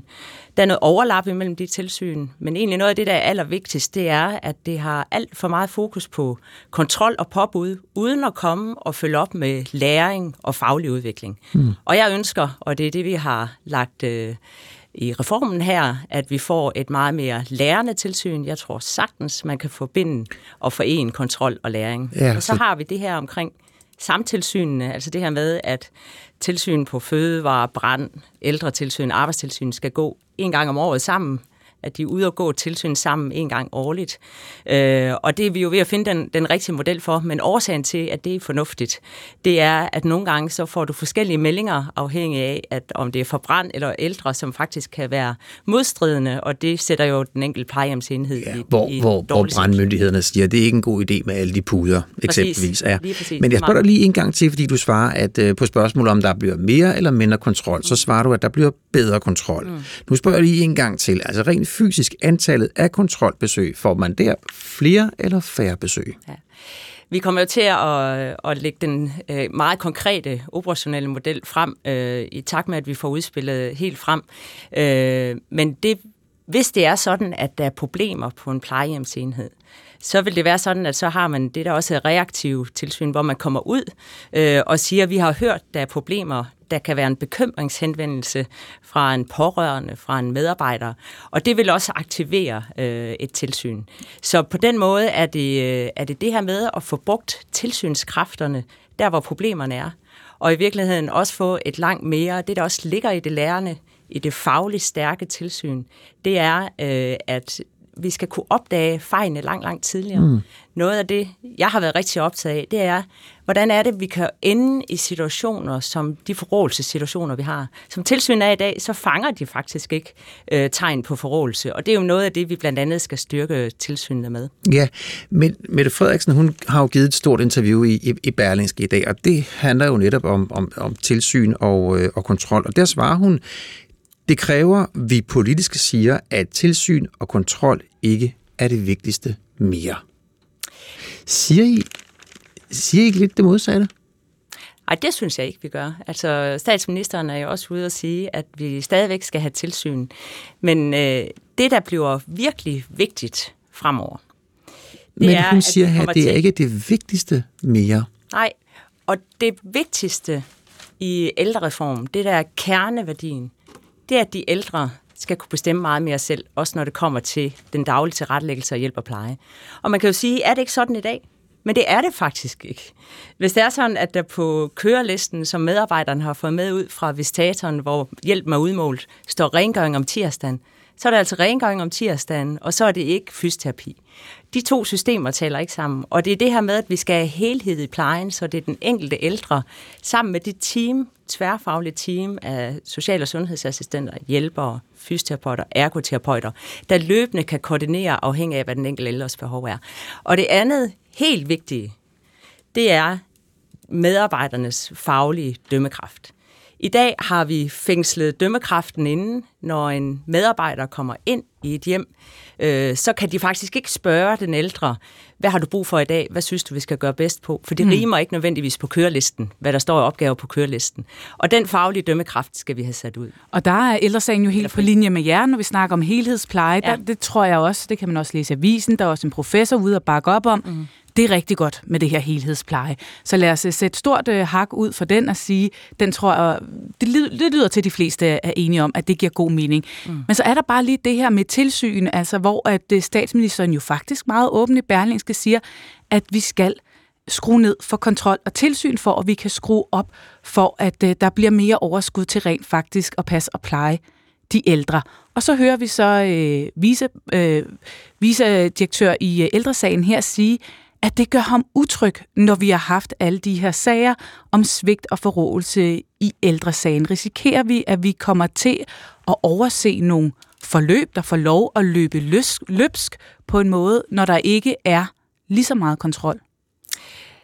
Nej, igen, jeg, jeg mener virkelig, og det er det, der har været kernen i det, at vi jo laver nogle stærkere faglige tilsyn, der har mere fokus på kvalitet. Det betyder ikke, at de tager længere tid. Fordi noget af det, vi kommer til at sanere og fjerne, det er noget af det unødvendige dokumentation, man skal bruge i sit tilsyn i dag. Jeg ved ikke, hvis du er ude og lave tilsyn, nu har jeg jo selv den store fornøjelse, at jeg har været ude i det kommunale gennem 14 år, så jeg har set rigtig mange tilsynsskemaer. Og der er en rigtig mange målepunkter, som faktisk ikke har nogen værdi for kvaliteten. Plus, sådan som det er i dag, så har du tre ældre tilsyn et kommunalt, to statslige, hvor der er overlap. Man skal dokumentere nogle af de samme ting i de forskellige tilsyn. Det er altså heller ikke fornuftigt. Og så skaber du også ekstra øh, dokumentationsbyrde, når det er sådan, at du som plejehjemsenhed selv skal hit redde i, at det, det ældre tilsynet siger noget andet end brandtilsynet, siger noget tredje end fødevaretilsynet og arbejdstilsynet. Og det kan man og, jo... og den der øh, øh, koordinering, det der med, at tilsynet taler med én stemme, det alene vil lave langt, langt højere grad af, eller mindre grad af dokumentation. Så det er ikke øh, to modsætninger at få et stærkere lærende kvalitet med fokus på kvalitet for den ældre, og ikke alle mulige andre ting. Mm. Og så også at styrke øh, medarbejdernes øh, dømmekraft og tilliden til det, og den enkelte selvbestemmelse. Men med det Kirkegaard, når ældreminister, når vi nu skruer tiden øh, fire måneder tilbage, så kan vi se, at Styrelsen for Patientsikkerhed, de øh, kom med en rapport. Der var 500 besøg, som øh, de gennemgik, og i hver fjerde, der fandt man, citat, større eller kritiske problemer. Mm. Hvorfor giver det nu mening at sende signalet om, at øh, nu er tilsyn og kontrol ikke så vigtigt længere? Vi taler trods alt, ud af 500 besøg, der var der problemer i 125 af dem, altså større eller kritiske problemer. Jeg vil gerne anholde den præmis, at vi siger, at tilsyn ikke er vigtige. Tilsyn er virkelig vigtige for kvalitet. Det er vigtigt for øh, retssikkerheden, og det er også det, øh, statsministeren siger. Vi sikrer også Der må jeg lige rette dig, fordi altså, statsministeren siger til Berlingske, at det kræver, at vi politisk siger, at tilsyn og kontrol ikke er det vigtigste mere. Nej, men det er jo stadigvæk vigtigt. Og hvis vi nu går tilbage til øh, Styrelsen for Patientsikkerhed, øh, noget af det, øh, igen hvis man ser på et måleskema fra, fra de tilsyn, som Styrelsen for Patientsikkerhed laver, så er der en række øh, flueben, man skal sætte øh, i de her måleskemaer, når man laver et tilsyn. Og det er dem, vi går ind og sanerer og siger, hvad er det for nogen, der er mest meningsfulde i forhold til at kunne følge op på kvaliteten. Og så vil jeg sige, der hvor vi skaber kvaliteten, det er ikke kun i tilsynene. Det er jo der, vi følger op på kvaliteten. Men kvaliteten skabes af de faglige medarbejdere. Det er dem, der skaber værdien i ældrepleje, fordi du kan ikke lave god kvalitet i ældreplejen, uden du har fagligt dygtige medarbejdere. Den ligning er simpelthen tæt øh, sammenbunden.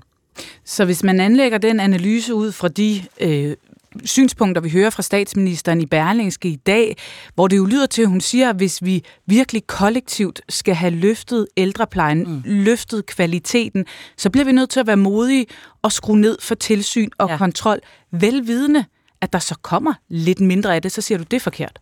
Nej, jeg siger ikke, det er forkert. Jeg siger, at vi kommer til at, vi kommer til at sanere, vi kommer til at skære ned i tilsynene. Men vi kommer til at lave tilsyn på en måde, der er mere faglig og har mere fokus på kvaliteten. Som et eksempel, så øh, har vi jo set de her skrækkelige sager øh, omkring forrådelse på forskellige plejehjem. Øh, sådan typer af situationer formår tilsynene faktisk ikke i tilstrækkelig grad at fange i dag. Og derfor skal vi have indrettet vores tilsyn, så vi i langt højere grad får åbenhed, får tillid, så man også råber op tidligere ude på plejehjemmene, og man siger til, vi har nogle problemer her, kan I komme og hjælpe os? Og så skal det være en meget mere lærende, faglig, understøttende tilgang. Fordi så sådan, helt som konkret, det også er med det, Mette Kirkegaard, øh, et årligt tilsyn, hvordan gør det det nemmere at fange forrådelse og svigt på plejehjemmene?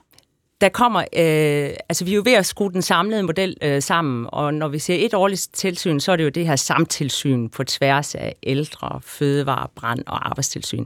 Det vil altid være sådan, øh, at hvis der er sådan, man har en bekymring, som medarbejder, som leder, som pårørende, som ældre selv, at så kan man rette henvendelse til øh, Øh, Styrelsen for Patientsikkerhed, det hedder også en whistleblower-ordning, som er virkelig velfungerende. Og det er faktisk der, jævnfører også din øh, snak omkring Styrelsen for Patientsikkerhed, der hvor du ser langt øh, størst øh, problemer med, med fagligheden, det er faktisk de steder, hvor der er whistleblower, hvor man simpelthen som medarbejder eller leder eller, eller pårørende har, har peget på og kontaktet Styrelsen for Patientsikkerhed. Vi skal bruge vores kræfter i tilsynet, der hvor problemerne er. Vi skal ikke bruge det de steder, generisk og ud over landet, hvor problemerne ikke er. Mm. Mette Kirkegaard, du får lige øh, det samme spørgsmål, som Berlingske i dag har stillet statsminister Mette Frederiksen. Og øh, det går sådan her, så hvor man tidligere sagde, at tillid er godt, men kontrol er bedre, skal man nu sige det modsatte. Ja, jeg mener, det her er grundlæggende en bevægelse fra et kontrolregime på en masse parametre.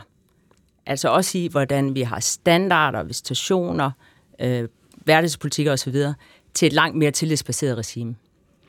Tak for det, Mette Kierkegaard. Ja, selv tak. Ældreminister og fra Moderaterne. Og øh, så skal vi et øh, smut ned i de, øh, hvad kan vi sige, øh, sportshistoriske bøger. Og så kommer vi som Peter. Skal Danmark have sit første verdensmesterskab, og Danmark får verdensmesterskabet. E- enestående og verdensrekorden er 1.41.73. Wilson Kipketer. Ja, den, eller man, der, er, der er også den her. Wilson Kipketer bliver verdensmester for anden gang, og tælles for at Cuba bliver nummer to. Ja, hvis man ikke lige øh, helt kan, kan huske, hvad det egentlig er, der foregår på de her klip, så er det jo altså selvfølgelig den tidligere 800 meter løber Wilson Kipketer, som øh, vi hører her. I, øh, I løbet af 1990'erne og også i starten af 0'erne, der vandt han verdensmesterskabet hele tre gange for Danmark. Han øh, havde en verdensrekord, der tangerede fra 97 til 2010. Han vandt sølv og bronze ved OL i 2000 og i 2004. Ja, fordi jeg, øh, jeg fik vist sagt, at han vandt OL-guld, men det gjorde han så ikke, men han fik altså sølv og bronze. Ja, siden så stoppede han så karrieren i øh, 2005, men øh, og ja, og siden da har han til gengæld ikke så gjort så meget væsen af sig inden for atletikverdenen. Men nu er Kipketer tilbage der, hvor det hele det begyndte, nemlig i den kenianske højland i byen Eton, som er blevet kaldt for verdens løbehovedstad. Og øh, han tager DR Horisont med på kostskolen St. Patrick i Kenya, som udklikker verdens bedste løbere, og det gør det på stribe. Og der har du været, Søren Bendiksen. Godmorgen. Godmorgen. Tag os og lytterne med hen til den her kostskole, hvor du møder Wilson Kipketer. Ja, det er et øh, meget specielt sted. For det første, så skal vi øh, op i højden. Vi skal op i det kenyanske højland, der ligger 2.400 meter over havets overflade. Det vil sige, at øh, man hiver lige lidt efter vejret de første gange, man træder i, i løbskoene her. Det er også et sted, hvor der er markant koldere end så mange andre steder på det afrikanske kontinent. Der kan godt være sådan nærmest danske temperaturer. Og så kommer man ind på den her kostskole, hvor der er plads til 1600 elever det er, hvis man ser med danske øjne, nogle meget, meget ydmyge faciliteter. Det er nogle kæmpe store klasselokaler med nogle meget gamle og meget, øh, ja, vi vil nok kalde dem decideret elendige borer og stole. Øh, men her er til gengæld øh, nogle elever, som altså formår, i hvert fald for nogle af dem vedkommende, at blive verdens bedste løbere. Og når Wilson Kipketer tager os med tilbage her, ja, så er det fordi, det var her, han selv startede. Det var her, han gik fire år i skole, før han altså fik muligheden for at komme til Danmark, og så senere blev, øh, blev dansk statsborger og begyndte at løbe for, for Danmark. Så det er et meget specielt sted. Hvad er det, der gør den kostskole så speciel? Der er øh, folk, der har studeret det her i årtier, fordi man rigtig gerne vil finde nøglen til det her sted, til den her succes, man har her. Og hvis man skal forsøge at pege på én ting, så er det nok skolens øh, sportslærer.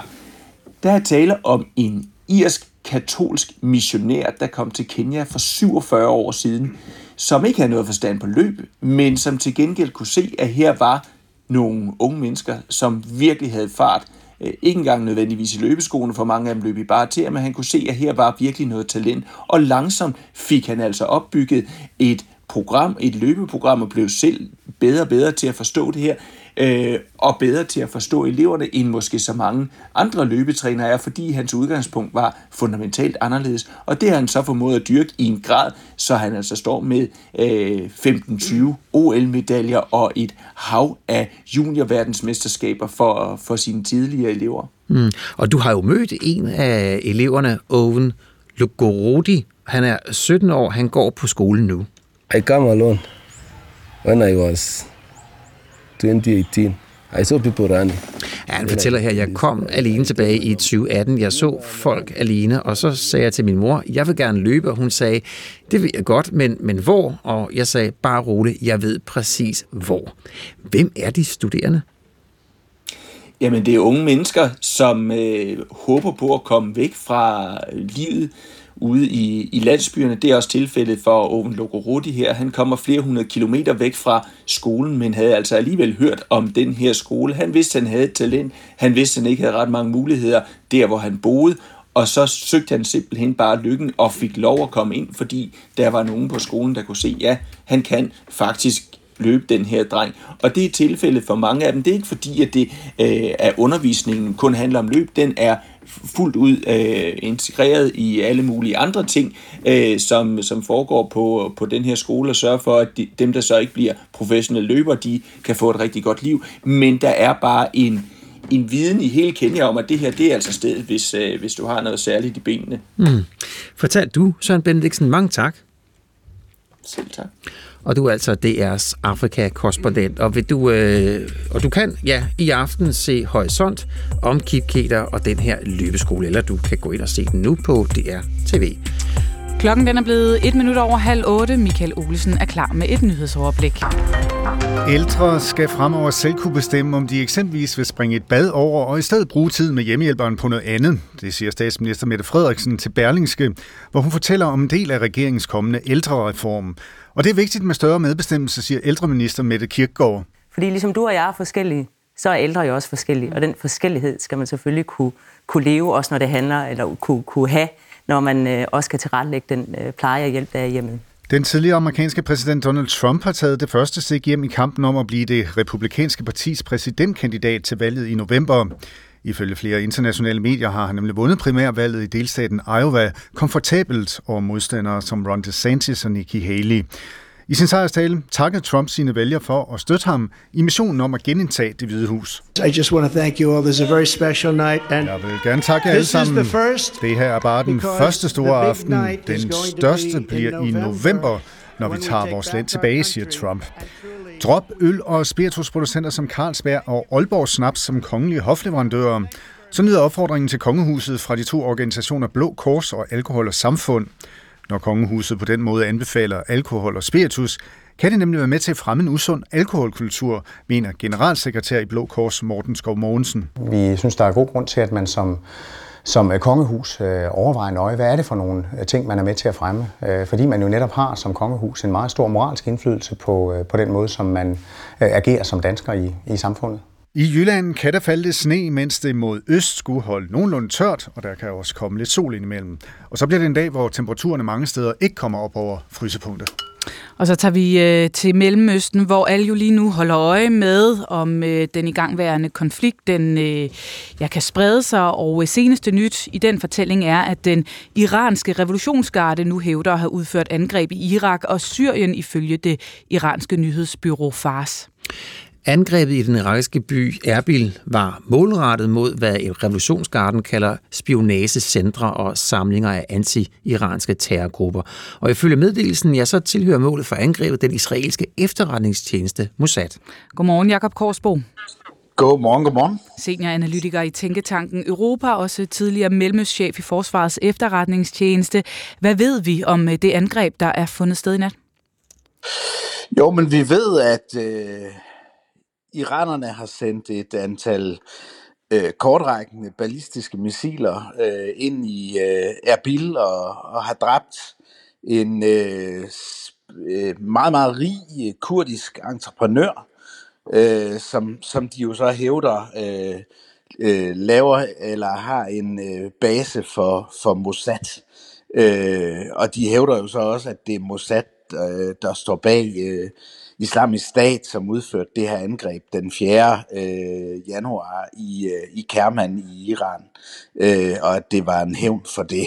Øh, så, så det er sådan den iranske fortælling i hvert fald. Mm-hmm. Og så er der også angreb i Syrien. Ved vi noget om, hvad man er gået efter her?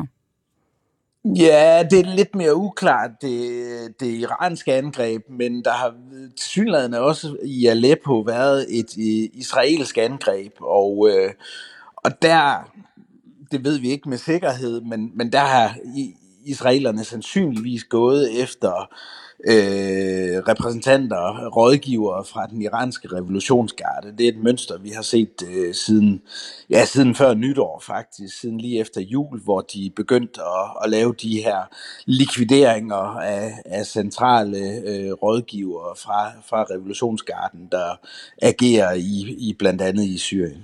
Så det lyder umiddelbart som to forskellige mål, man har forsøgt at ramme med henholdsvis angrebet i Erbil i Irak og så i Aleppo i Syrien. Ja, altså man kan sige, der er i hvert fald øh, et iransk angreb i, øh, i Erbil og ja, irakisk, et israelsk ja. angreb i, i, i Aleppo. Eller iransk, ja, på den måde. Øh, hvordan, I hvilken kontekst skal vi se de her angreb? Så altså, nu nævnte du øh, det her i Syrien, men det er i Irak, hvor at Mossad også bliver nævnt. Jamen altså, det er jo øh, et, øh, et, et ret voldsomt angreb, og øh, man kan sige i forhold til den skrøbelige politiske situation, der er i Irak, og som har været i Irak øh, lige siden øh, 2003-4 stykker, ikke? Øh, så, så er det meget alvorligt, fordi man kan sige, at det, det kurdiske område, det kurdiske selvstyre, har været sådan en ø af stabilitet i et, øh, i et øh, øh hervet Irak, og, øh, og nu har man så øh, ramt et mål, en, en, en, en vigtig, øh, meget rig kurdisk øh, entreprenør, Øh, og, øh, og, og, og der kan man sige, det påvirker også hele spillet i Bagdad. Øh, det her kommer faktisk på ryggen af et, øh, et iransk pres på Iraks regering for at få dem til at opsige baseaftalen og samarbejdsaftalen med USA og de internationale styrker øh, efter at USA øh, for, for øh, jeg mener det er en 10 dage siden, likviderede en irakisk militsleder, der stod bag mange af de angreb, der er udført på de amerikanske styrker. Der har været over 100 angreb i, øh, i Irak og Syrien, og, og det er sådan en irakisk øh, milits, der står bag det, der er støttet af den iranske revolutionsgarde. Så de har sådan lagt pres på for mm. at få de amerikanske og internationale styrker ud, men der kan man sige, at der er måske en risiko for, at det kan få et, øh, et tilbageslag øh, og at øh, irakerne nu vil, øh, øh, hvad kan man sige, vende sig mod, øh, mod den iranske indflydelse igen. Det har vi set tidligere, det så vi blandt andet inden, øh, inden corona-nedlukningerne, hvor der var store demonstrationer i Bagdad, blandt andet mod iransk øh, indflydelse. Øh, så, så der må vi se, hvad udspillet bliver mm. fra, fra Bagdad nu. Så skal vi udelukkende se det her angreb ind i uh, Erbil i Irak som en kontrovers mellem Irak og Iran, eller trækker det her på nogen måde tråde til den igangværende konflikt uh, i Israel-Gaza? Og grund til at spørge, det er jo, at vi hører, at målet for angrebet var den israelske efterretningstjeneste Mossad. Jo, men altså, øh, hele øh, Gaza-krigen øh, øh, spiller en stor rolle for det her også. Og øh, det er sandsynligvis sådan et iransk forsøg på at, at afskrække israelerne og, og også afskrække USA for at tage skridt mod, øh, mod Iran. Og så viser de, de kan øh, de kan gøre det her. Så man kan sige, der der øh, der kan allerede faktisk en, en stor krig i, øh, i Mellemøsten, og det har der gjort øh, lige siden kort efter krigen i Gaza startede. Men det er sådan en, en lavintens øh, øh, konflikt og krig, der kører. Øh, nu har vi jo også set, øh, hvad der sker nede i Yemen øh, øh, nu, øh, og, og alle de her ting hænger faktisk øh, sammen.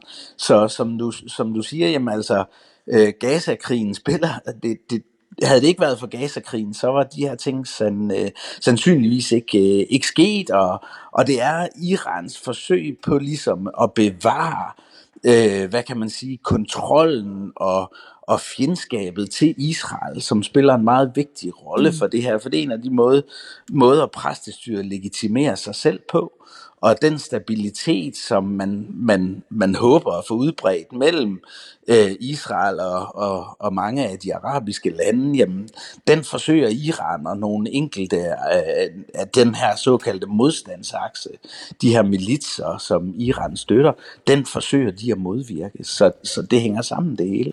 Tak for analysen, Jakob Korsbo. Selv tak og god dag. Jo, tak i lige måde. Senioranalytiker i Tænketanken Europa og tidligere mellemøstchef i Forsvars efterretningstjeneste. Klokken er blevet 20 minutter i 8.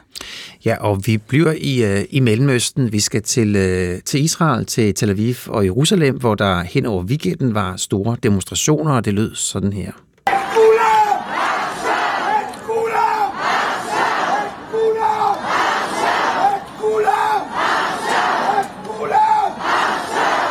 Ja, få dem hjem, lød det altså. Øh, det var altså demonstrationer på gaden øh, i anledning af 100-dagen for gislernes fangenskab, og øh, der blev protesteret mod Netanyahu for ikke at gøre nok for at få frigivet gislerne. Ja, og samtidig med de her demonstrationer, så frigav Hamas en video, hvor man ser to dræbte israelske gisler.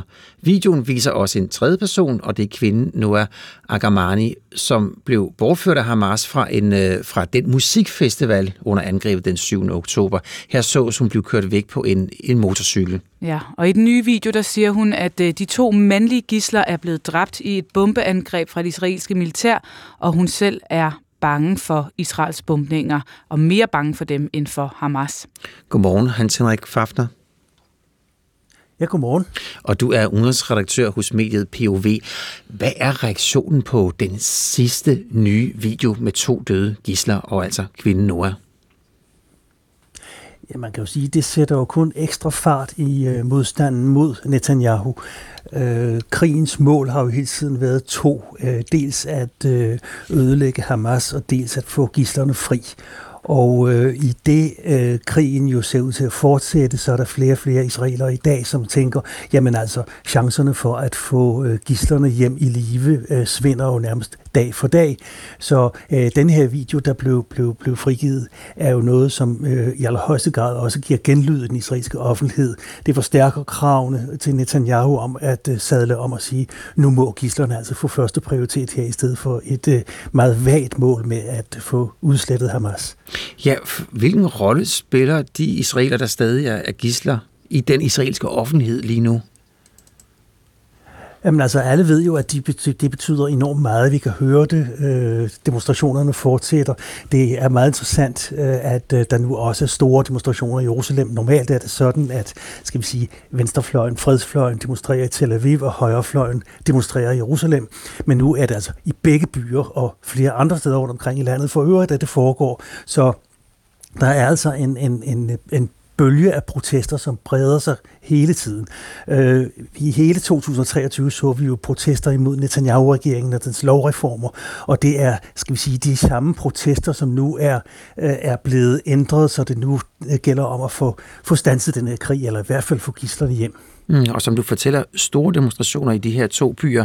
Men er det demonstrationer, og har de en sådan størrelse, at det presser Netanyahu? Øh, det presser i Netanyahu allerhøjeste grad. Øh, det er ikke, skal vi sige, den sædvanlige venstrefløj, der går ud og demonstrerer det her. Det er ganske almindelige gennemsnitsisraelere, og det er folk, som, som er, er trætte af det her. De ser jo altså en krig her, som bare fortsætter og fortsætter. Vi rundede 100 dage her, øh, og, og, og øh, øh, tidsperspektivet ser ud til at være, være meget, meget langt, hvis man får, forstår øh, Netanyahu ret. Øh, og øh, israelerne er simpelthen ved at miste tålmodigheden med det her, siger, de siger jo altså stigende, dra, dra, dra, dra, jeg ved det, store, store tabstal på, på i den øh, palæstinensiske øh, civilbefolkning på Gazastriben, og så også det her med de her 132 gisler, der stadig ikke sidder, og man ved ikke, om de er i live, eller hvad der sker. Mm. Øh, så naturligvis så stiger presset hele tiden. Ja, men er der i Israel, altså bliver der der øh, foretaget målinger, som, som, som kvalificerer den her øh, påstand om, at Netanyahu er, er presset? Altså, der er ikke deciderede målinger. Jo, altså, man kan se det på, på, på meningsmålingerne, at øh, hans øh, Likud-parti er jo altså styrtdykket siden den 7. oktober. Øh, de står nu til under det halve øh, mandatantal af det, de har nu. De sidder på 32 mandater i Knesset, og de, nu er de altså nede på, på øh, cirka det halve. Øh, og det er jo klart øh, en, en, en desavouering af Netanyahu. Altså, vælgerne vender ham ryggen simpelthen. Kernevælgerne tilbage, men dem, som har stemt på Netanyahu og andre grunde, de er altså altså flygtet andre steder hen, fordi de kan se, at det her det er et uh, totalt, for, et totalt, totalt for, for, forfejlet projekt. Mm. Uh, så jo, uh, han er under pres. Han giver ikke udtryk af det. Han uh, prøver på at uh, uh, agere business as usual, fordi han ved jo godt selv, at i det øjeblik, han indrømmer, at krigen er gået galt, i det øjeblik, han indrømmer, at vi må stanse nu, uh, så ruller lavinen, så er der den her retssag, som truer ham, og, og uh, han ved godt, at hans uh, politiske liv så er slut. Så han prøver på at øh, fungere, og prøver på at lade, lade som om, at det, her, det bare kører, og vi bevæger os frem mod det her mål, som ingen rigtig ved, hvad er. Så presset er enormt mod Netanyahu, og det, det viser demonstrationerne jo også. Og det er jo en samlingsregering, Israel har i øjeblikket. Er den samlingsregering, er den truet, er den presset, er der, er der, er der sådan indimellem sådan øh, rygter om, at, at, øh, at den kan bryde sammen? Altså, vi kan jo se, at øh, i øh, selve Likud-partiet, altså Netanyahus eget parti, der knirker det voldsomt. Øh, flere og flere øh, markante personer inden for partiet, også ministre, begynder altså at antyde, at det her, øh, det her det må stanse. Netanyahu, han skal skiftes ud. Øh, så det, det, det, det knirker i allerhøjeste grad. Han har jo så nogle øh, koalitionspartnere på den øh, på højrefløjen og den øh, ultraortodoxe fløj, og de hænger jo fast øh, af andre grunde. Øh, de øh, meget højreorienterede, de ønsker at krigen at fortsætte, de har ikke nogen som helst intentioner om en våbenhvile eller fredsaftale eller noget som helst. Øh, og så står Netanyahu der med sit parti. De sidder med 64 ud af 120 mandater i Knesset, så der skal altså ikke ret mange udbrydere til i Likud, før at det hele bryder sammen. Mm. Og det er det, man sådan står og venter lidt på nu. Ja, og Hans Henrik Fafner, er der i øjeblikket, øh, hvad ved vi om, om, øh, om, øh, om forhandlinger om gislerne i øjeblikket? Øh, der foregår en hel masse. Det er ikke sådan så officielt, men Katar er involveret, Ægypten er involveret.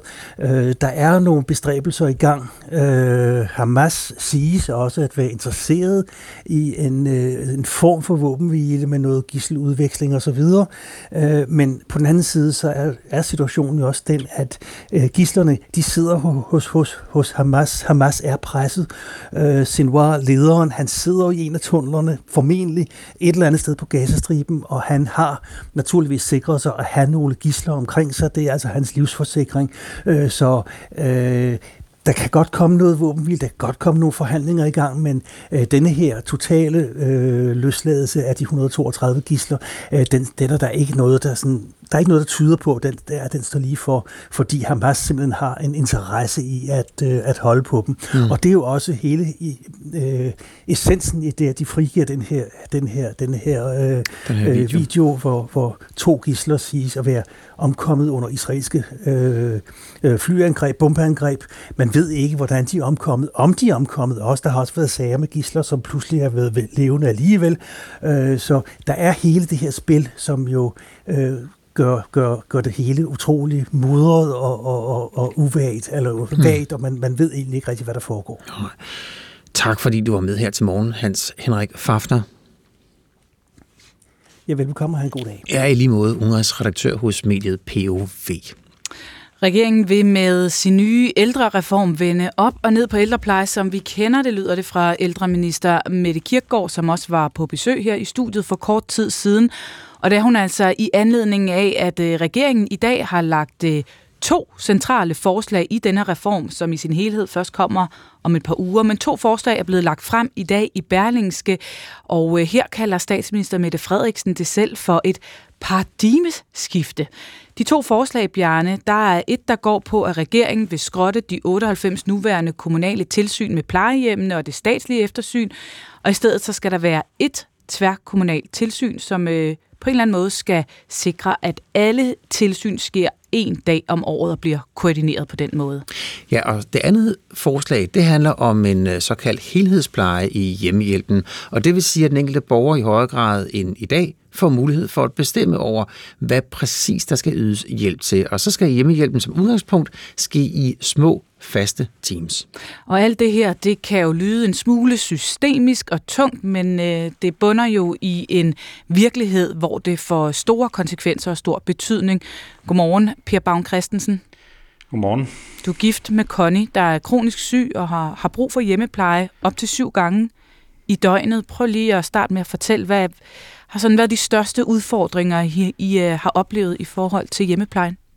Jamen, øh, hovedproblemet, eller skal man sige, øh, udfordringen er jo, at Connie er forholdsvis øh, kompliceret at have med at gøre, og det vil sige, at hvis der kommer mange forskellige, der skal hjælpe Connie, øh, så bliver det et problem. Dem, der kommer, skal helst være dem, som vi er vant til at se, øh, og som kender Connie, og som ved, hvordan hun skal håndteres, og hvordan man får tingene til at foregå på en smidig og fornuftig måde. Når der kommer nogen, der ikke har været her før, øh, i perioder, hvor der er afløser osv., så, så går det meget hurtigt i stå, og og kommer ikke til at fungere, og så bliver hele dagen jo øh, ødelagt, hvis, hvis, øh, hvis det ligesom bliver øh, grevet forkert an fra starten. Så vi ser jo meget frem til, at der kunne komme øh, mere faste timer omkring, og så også, at man er dygtigere til at, at introducere, øh, når der kommer nye, hvis der er vikar, at de så, øh, når de bliver sendt ud, har fået lidt at vide om, hvad de kan komme ud til, og måske også have en backup, de kan ringe til, hvis, der, hvis det går i stå. Så det er jo særligt det her forslag, der handler om øh, det, som regeringen kalder for helhedspleje i hjemmehjælpen, som øh, kommer til at, at gøre en forskel for, for din kone Connie. Øh, og det er jo som sagt det her med, som du også nævner her, at man vil arbejde mere på, at hjemmehjælpen skal komme i de her små faste teams, men jo også det her med, at den enkelte borger i højere grad skal bestemme, om, om hjemmehjælperen skal hjælpe med et bad, eller om der skal laves kaffe, eller der skal noget helt tredje. Hvilken forskel kommer det til at gøre for jer? Jamen, hvis, det, hvis det kunne blive mere fleksibelt, sådan at man kunne øh, lave de ting, som, som borgeren nu, eller som Connie nu øh, ønsker sig den dag, så ville det gøre en stor forskel, fordi der er jo dage, hvor Connie er i bad, hvor at øh, hele dagen går med det, og hvor at det tager hendes kræfter. Og så er der jo andre dage, hvor hun øh, meget hellere vil ud og gå en tur, eller gøre noget andet, øh, når, når hjemmehjælpen er der.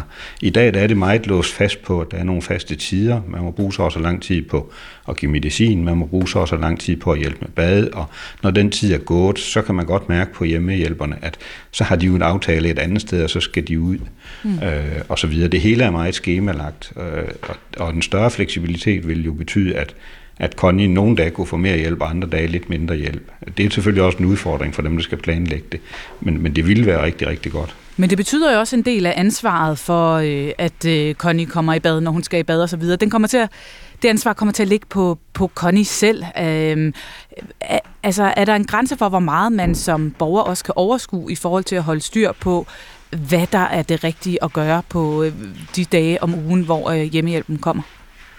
Ja, altså det er selvfølgelig, det er selvfølgelig en udfordring, øh, fordi jeg tror, at mange, ligesom Connie, vil jo gerne have al den hjælp, de kan få, og der er selvfølgelig grænser for, hvor meget det kan blive. Men øh, man har haft, indtil nu har man haft noget, man kalder en klippekortordning, hvor man kunne vælge en gåtur eller vælge noget andet på de klippekort. Og en udvidelse af sådan nogle ordninger, hvor en større fleksibilitet kommer ind, og man kan sige, jamen i dag, der vil jeg egentlig, øh, hvis vi kunne få ordnet det og det, så vil det være bedre. Der er selvfølgelig de faste rutiner, der skal gøres hver mm. dag. Connie har stomi, den skal skiftes, så den skal tømmes dagligt. Der er jo ikke så meget der at have der om, men så har hun to gange om ugen, øh, kommer hun i bad, og der kan være nogle uger, hvor hun vi skal måske i byen, hvor hun godt vil have det flyttet det fra en dag til en anden, eller hvor hun godt vil have et ekstra bad, og der vil det være dejligt med en fleksibilitet. Vi har nogen fleksibilitet, øh, så det er ikke en klagesang, men, men øget fleksibilitet, synes jeg vil være rigtig godt. Så alt i alt hører jeg dig være ganske positiv over for de forslag, der er kommet, og man kan jo sige, der har jo også været tilløb til det her længe. Altså i, øh, i 2021, der var der en ny velfærdslov, der blev droppet i 2020, der sagde statsministeren også, at vi skylder at gøre det bedre i vores ældrepleje. Så I har jo ventet noget tid på det her. Øh, nu har vi set to centrale forslag. Hele reformen lader vente lidt på sig endnu.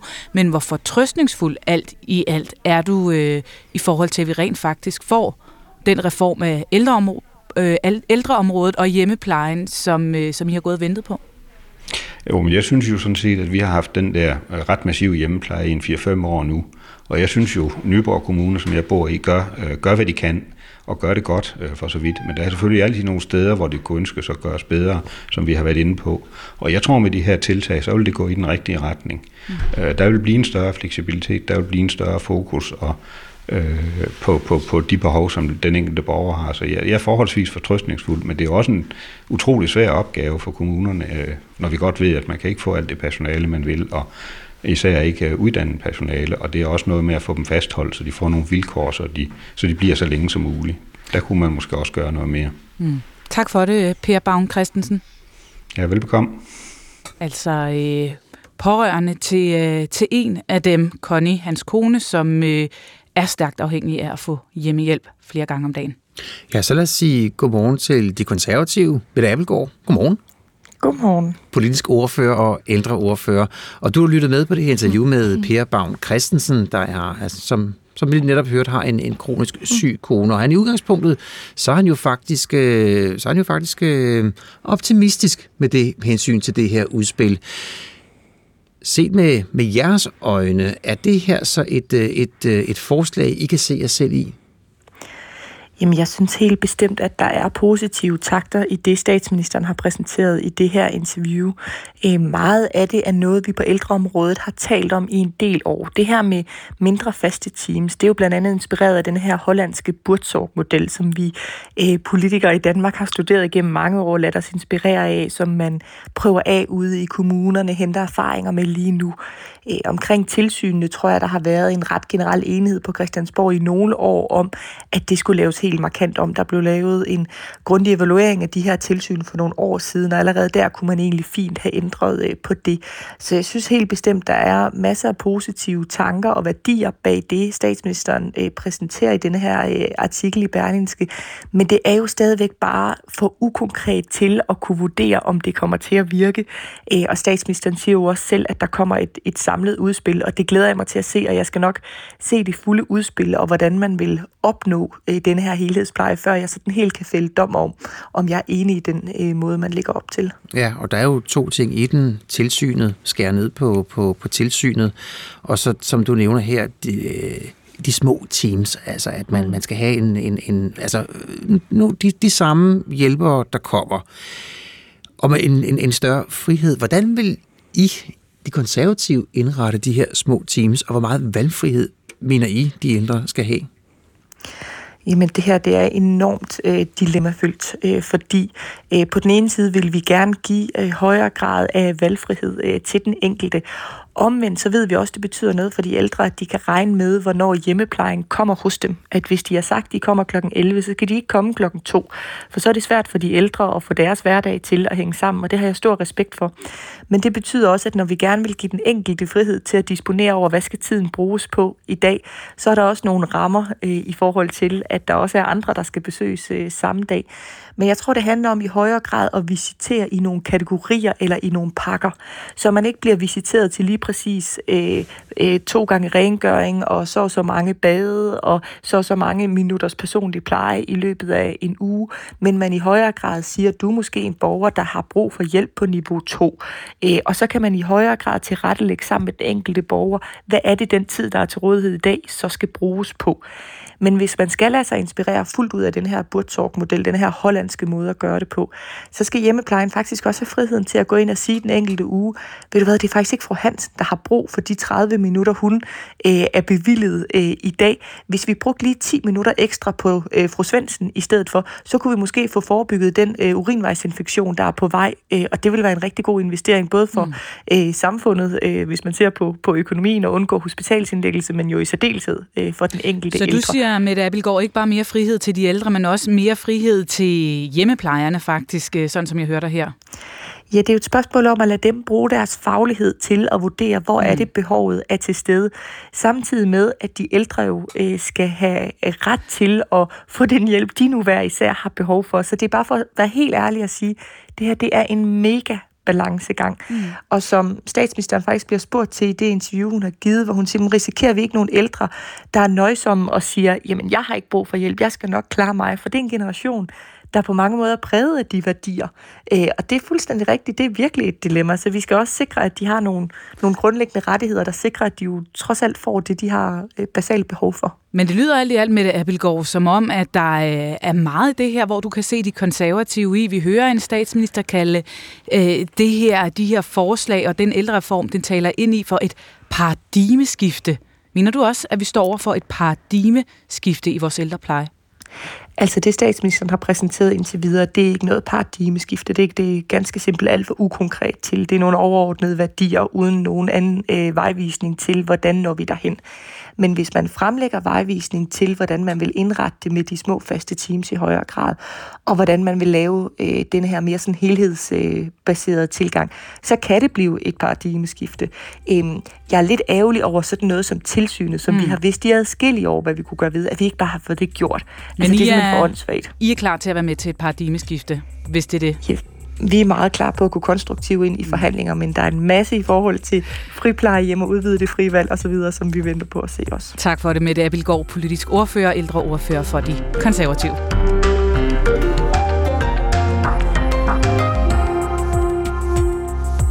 Og så kan vi sige godmorgen og velkommen tilbage til P1 Morgen, hvor vi denne morgen blandt andet kaster et blik mod USA, nærmere bestemt mod staten Iowa, som altså har afholdt ja, deres første, kan man sige, øh, primærvalg i forhold til, hvem der skal repræsentere republikanerne ved præsidentvalget. Ja, og, og øh, man må bare altid sige... det første sted, og dermed så er der faktisk nu, lige netop nu, taget hul på den amerikanske præsidentvalg.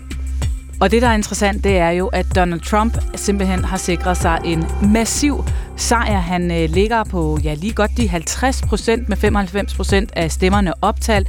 På sådan en øh, tæt anden tredje plads, der ligger Ron DeSantis på 21 procent og Haley på 19 procent. Vi øh, skal tale med øh, venstrepolitikeren Mads Fuglede, som jo også er ja, lidt af en øh, nørd ud i amerikansk politik om, det her resultat, altså en massiv sejr til Trump. Hvad tænker han om det? Det spørger vi ham om i løbet af den her time. Og øh, vi har jo her til morgen sat fuld fokus på, at øh, regeringen nu præsenterer to centrale dele i den længe ventede ældre reform. Det ene, det er et øh, ja, mindre tilsyn, mm. mindre kontrol, og den anden del, Ja, det er jo, at man vil øh, indføre det, der hedder helhedspleje. Altså, at de øh, ældre i højere grad selv skal bestemme, om hjemmehjælpere nu skal tage dem i bad eller drikke en kop kaffe, og så skal det ske i mindre og faste teams.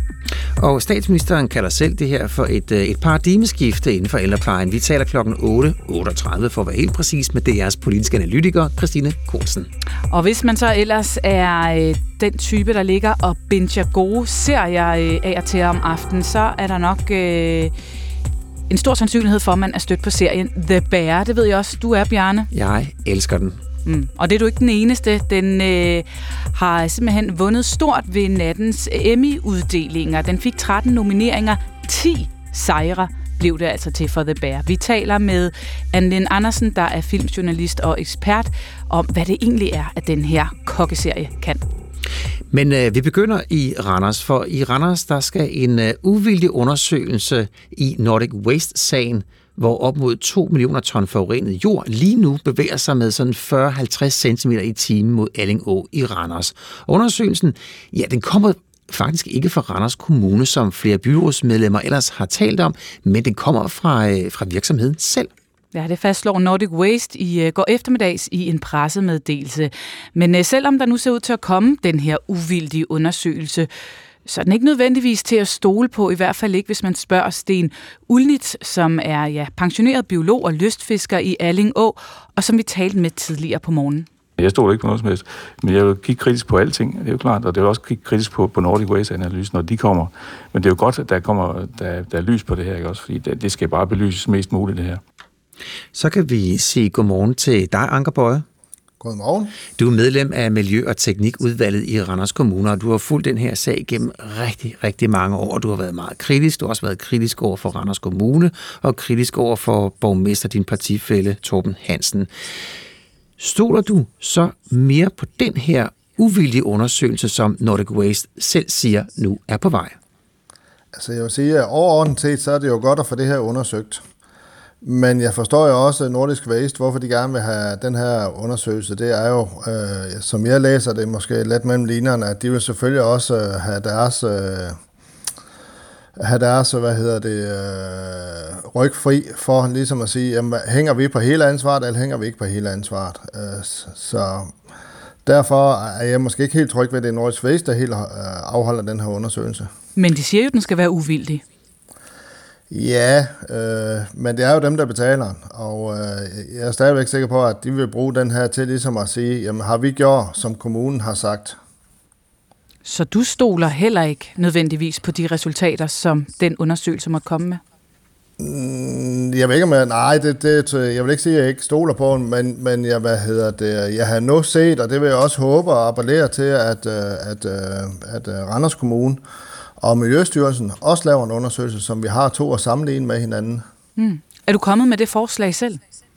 Nej, det er jeg ikke nu, men uh, jeg vil, uh, vi skal have tema møde på torsdag omkring Nordisk Waste i byrådet, og der vil jeg da foreslå, at, uh, at Randers Kommune tager fat i Miljøstyrelsen om at lave sådan en undersøgelse her. Men vi er jo et godt stykke inde i forløbet her. Hvordan kan det være, at det først er nu, du kommer i tanke om, at det kunne måske være en meget god idé med sådan en undersøgelse? Jamen, det er ikke først nu. Jeg har jo sagt øh, også tidligere, at det her skal jo have et øh, efterretteligt spil, og der skal en undersøgelse også være en del af det. Øh, og øh, man kan jo også sige, at det er jo ikke andet et år siden, der blev lavet en geoteknisk undersøgelse af det her. Øh, og hvad viser den? den? Den har jeg ikke selv set øh, på nuværende tidspunkt. Øh, men den kunne være spændende at se. Hvad, hvad sagde den dengang? Og lad os lige prøve at dykke ned i den pressemeddelelse fra Nordic Waste, fordi de skriver jo blandt andet, citat, i perioden fra 19 og frem til 23, der har der været 23 uanmeldte kontrolbesøg hos os, og hvor der vel at mærke ikke har været bemærkninger til vores drift. Derudover så har vi fået fornyet vores miljøgodkendelse, og vi har fået miljøgodkendelse til udvidelse af pladsen i samme periode. Viser det her, Ankerbøje, nu hvor du er på nakken af Nordic Waste, ikke at virksomheden sådan set bare har gjort, hvad de kunne for at undgå, at det skulle gå galt? Jo, og det er jo derfor, jeg tænker, at de gerne vil have lavet den her undersøgelse nu, øh, for ligesom at sige, jamen, har vi gjort, som, øh, som vi egentlig har fået bud på? Og derfor synes jeg også, det er mere lige så, eller det er lige så rigtigt, at uh, Miljøstyrelsen og Randers Kommune går sammen og får lavet en uh, undersøgelse, og siger, jamen vi som myndighed har også overholdt reglerne. Og uh, de her ting, uh, I nu skulle, uh, eller, under, eller holde øje med de ting, som, uh, som skulle holdes øje med. Hmm. Hvem stoler du egentlig på på Randers Kommune, Nordic Waste? Jamen altså, når du stiller sådan op, så stoler jeg mest på Randers Kommune. Og det er jo, at øh, den skal jo være uvildig øh, hele vejen igennem. Stoler du på Randers Kommune? Jamen altså, hvis vi får lavet sådan en uvildig undersøgelse, så stoler jeg selvfølgelig på den. Mm. Men øh, du har jo mange gange også været kritisk over for kommunen, så jeg spørger dig, har kommunen også interesse i at fraskrive sig ansvaret? Ja, det har de jo øh, rent økonomisk, øh, kan man sige, at øh, der ligger jo en stor regning øh, på det her, der skal betales. Og øh, der er det jo vigtigt, at Randers Kommune kan dokumentere, at de har overholdt alle de ting, de har nu skulle ifølge det her. Ja, en stor regning, siger du. Det er netop blevet offentliggjort, at øh, den her skandale indtil videre kostede kommunen 41 millioner kroner i det her arbejde med at forhindre forureningen af Allingå. Og det er jo ikke fordi, at arbejdet er stoppet endnu. Hvor, hvor stor rolle spiller den her voksende, eskalerende regning? Jamen, den kommer til at spille en stor rolle, øh, fordi man kan sige, det er jo mange penge i en kommune der ikke er budgetteret med. Øh, så derfor er det jo vigtigt, at vi får alle penge hjem igen øh, i kommunekassen. Og, siger, vi, ja, ja. og du siger også, øh, at det er det, der ligesom er anledning til, at øh, de forskellige instanser nu begynder at snakke om undersøgelser fra den ene og fra den anden side. Ja, det er jo, at øh, nu kommer det økonomisk spil jo ikke. Og der vil man jo... Øh, altså alle, alle vil jo altid, det er jo ligesom ens hjemme privat husholdning, ikke? Man vil forsvare sin, sin egen økonomi så godt, som man nu kan jo ikke. Øh, så derfor skal man ligesom nå ind og finde dokumentation på, jamen har vi holdt, overholdt de regler, vi har? Øh, det gælder jo både med Nordisk Waste, men det gælder også øh, Randers Kommune jo ikke. Mm. Lige her til allersidst, Anker Bøje, med hensyn til tillid til kommunen. Kommunen siger jo, at øh, miljøkatastrofen ikke har ramt Allingå, men tidligere her til morgen, der talte vi jo med Sten Ulnitz, som jo er biolog, pensioneret biolog, han er lystfisker, og vi spurgte ham, om han... Øh, om han øh, ville fange fisk i øh, Allingå. Og der svarede han, nej, det ville han ikke. Og han tilføjede så, at hvis han fangede en fisk, så ville han ikke engang give katten den fisk. Vil du spise den? Nej, det vil jeg heller ikke, og øh, der håber jeg også, at man går ind og ligesom at få lavet en undersøgelse af, af Allingå, fordi de sidste prøver, vi har set, eller det er jo de første, egentlig er kommet, der ser det ud som om, at kommunen har ligesom fået øh, reddet øh, Allingå. Men inden da kan man jo også se derfra, før de første prøver, de tager, er der jo også udledt rigtig meget til Allingå. Og det er jo noget af det, vi egentlig har påpeget i rigtig lang tid, at der har sket en, øh, en udledning deroverfra, stille og roligt over lang tid. Øh, det viser de første prøver, men heldigvis, de sidste prøver viser jo, at man egentlig har fået godt styr på det derovre fra kommunens side, og det vil jeg egentlig rose kommunen øh, for det store arbejde, de egentlig har gjort der. Mm. Tak fordi du var med her til morgen, Anker Bøje. Jamen selv tak. Medlem af Miljø- og Teknikudvalget i Randers Kommune. Og det er altså i aften, at der er informationsaften, hvor naboerne kan spørge kommunen ind til øh, situationen. Mm. Klokken er blevet 14 minutter over 8, og øh, vi vender os øh, en lille smule mod det tronskifte, historiske tronskifte, der jo skete i søndags, fordi med det, ja, der mistede jo altså også alle de kongelige hofleverandører automatisk deres titel eller prædikat som lige præcis kongelig hofleverandør. Og ifølge en pressemeddelelse fra kongehuset, så øh, vil der først senere blive taget stilling til, hvordan man fremadrettet vil bruge ordningen.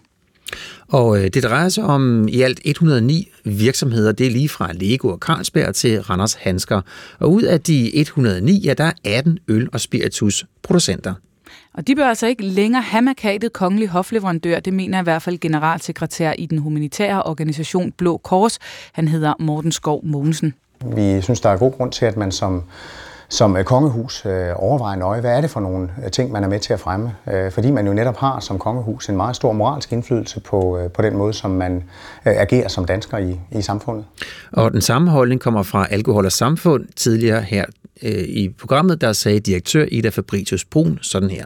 Alkohol er jo den tredje største risiko for, øh, for vores folkesundhed, og, øh, og derfor så, så er det måske værd at overveje, om det er, øh, om det er, er produkter, som man som kongehus gerne vil, vil hjælpe til med at brande med den her mærkningsordning. Og så velkommen til dig, Kasper Schrøder. Godmorgen. Godmorgen, økonomikorrespondent her i DR. Måske ikke så overraskende, vi hører fra lige de her to øh, instanser, at øh, det der med at give prædikatet kongelig hofleverandør til alkoholproducenter, det, det er måske ikke den bedste idé.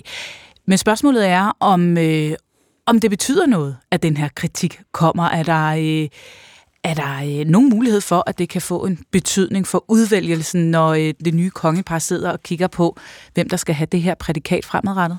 Ja, det tror jeg, og jeg tror, at man tænker rigtig meget i kongehuset, i hvert fald i begyndt på det. Hvad pokker skal man gøre med den her liste?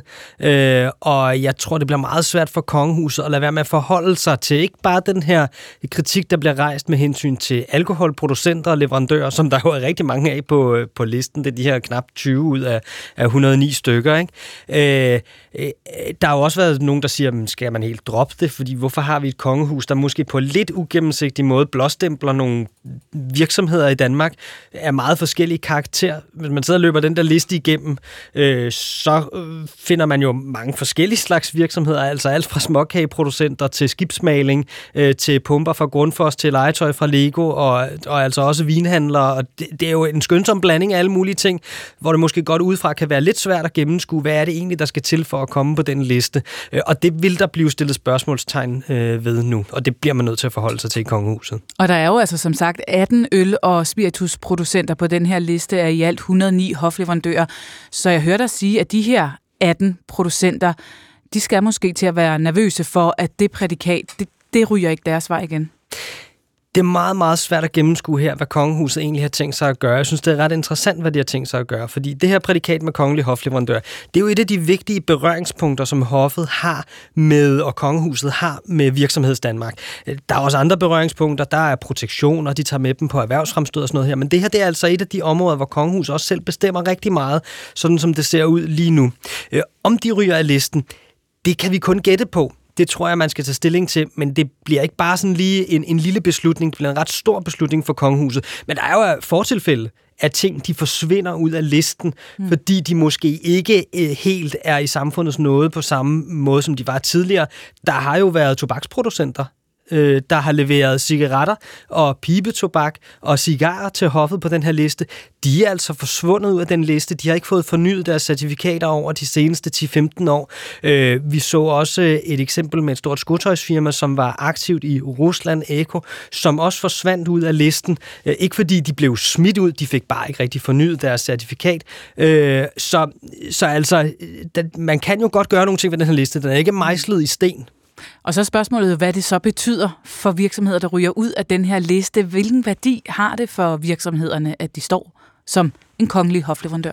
Altså, de er glade for det. Alle dem, jeg har talt med, de er rigtig glade for det, og medarbejderne er stolte af det, øh, og gør det til en del af virksomhedens fortælling.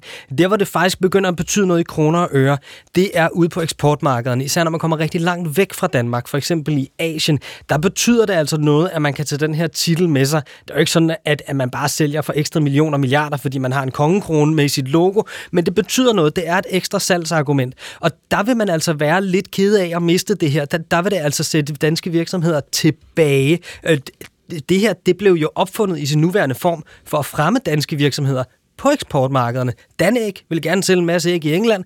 Øh, jeg tror, at det hollandske kongehus havde sådan her prædikat, der havde det engelske også, og så henvendte Danæg sig til, til kongehuset herhjemme og sagde, kan vi ikke også få sådan et? Og det fik de så. Så, så det har hele tiden været sådan et eksportfremmemiddel. Hmm, men er det ikke enormt konkurrenceforvridende?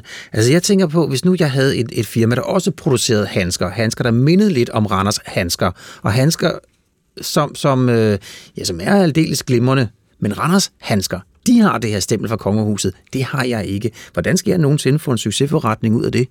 Ja, man kan jo håbe på, at dine handsker er så gode, at du alligevel kan sælge dem, men det er jo rigtigt. Altså, der er jo et eller andet med gennemskueligheden. Hvad skal der egentlig til for, at man kvalificerer sig til at få det her blåstempling? Fordi en ting er jo, at, at det er jo meget rart og hyggeligt, at vi har et kongehus, en konge og en dronning, der blåstempler det her. Men det er jo også det officielle Danmarks stemme, en blåstempling af en bestemt virksomhed, af en bestemt øh, vare, øh, som, man kan, som, man kan, som man kan reklamere med og annoncere med, gøre til en del. Så jo, altså, det er jo på mange måder ugennemskueligt, og dermed måske også ikke helt fair for dem, der ikke har det og måske gerne vil have det. Så altså, kan, kan det foregå sådan, at fordi kong Frederik den 10. er gode venner med direktøren fra Randers Hansker, så får Randers Hansker det her stempel? Nej, det tror jeg ikke nødvendigvis. Der tror jeg måske, at kongehuset er for kloge til at sætte sig i den øh, situation. Øh, men vi kender ikke super meget til kriterierne for, hvordan er det egentlig. Man har nogle meget brede vendinger om, at man skal være en ordentlig virksomhed, der leverer kvalitet osv. osv. Men hvad er egentlig kriterierne? Fordi når vi har mærkningsordninger, altså miljømærkningsordninger og sådan noget, så er der jo nogle ret præcise kriterier, som man skal leve op til, grænseværdier osv. Og, og vil man begynde at operere med det i kongehuset, kan man overhovedet få det til at passe sammen med at være et kongehus, hvor det hele skal være lidt magisk og mystisk og uudtalt? Øh, det er et virkelig, virkelig spændende spørgsmål, og derfor så tror jeg også, der er nogen, der spekulerer i, kan den overleve den her, den her ordning, når der sådan for alvor skal tages øh, stilling til den? Vi ved det ikke. Det er op til kongehuset. Men der siger du, at det vil faktisk kunne mærkes i kroner og øre, hvis man helt annullerede ordningen på eksporten. Der er nogle virksomheder, som vil være kede af det. Det er jo ikke sådan, som jeg sagde. Hvis man har en kongekrone med i sit logo, så river folk bare ens ølflasker eller vindmøller eller medicin ned fra, fra hylderne ude i, i Fjernøsten eller på andre fjernmarkeder. Det er ikke sådan, det hænger sammen. Men det er et ekstra salgsargument, som ikke stiller danske virksomheder dårligere i hvert fald. Hmm. Tak for det, Kasper Srøder. Velbekomme. Økonomikorrespondent her i DR. Og med det blev klokken 22 minutter over 8.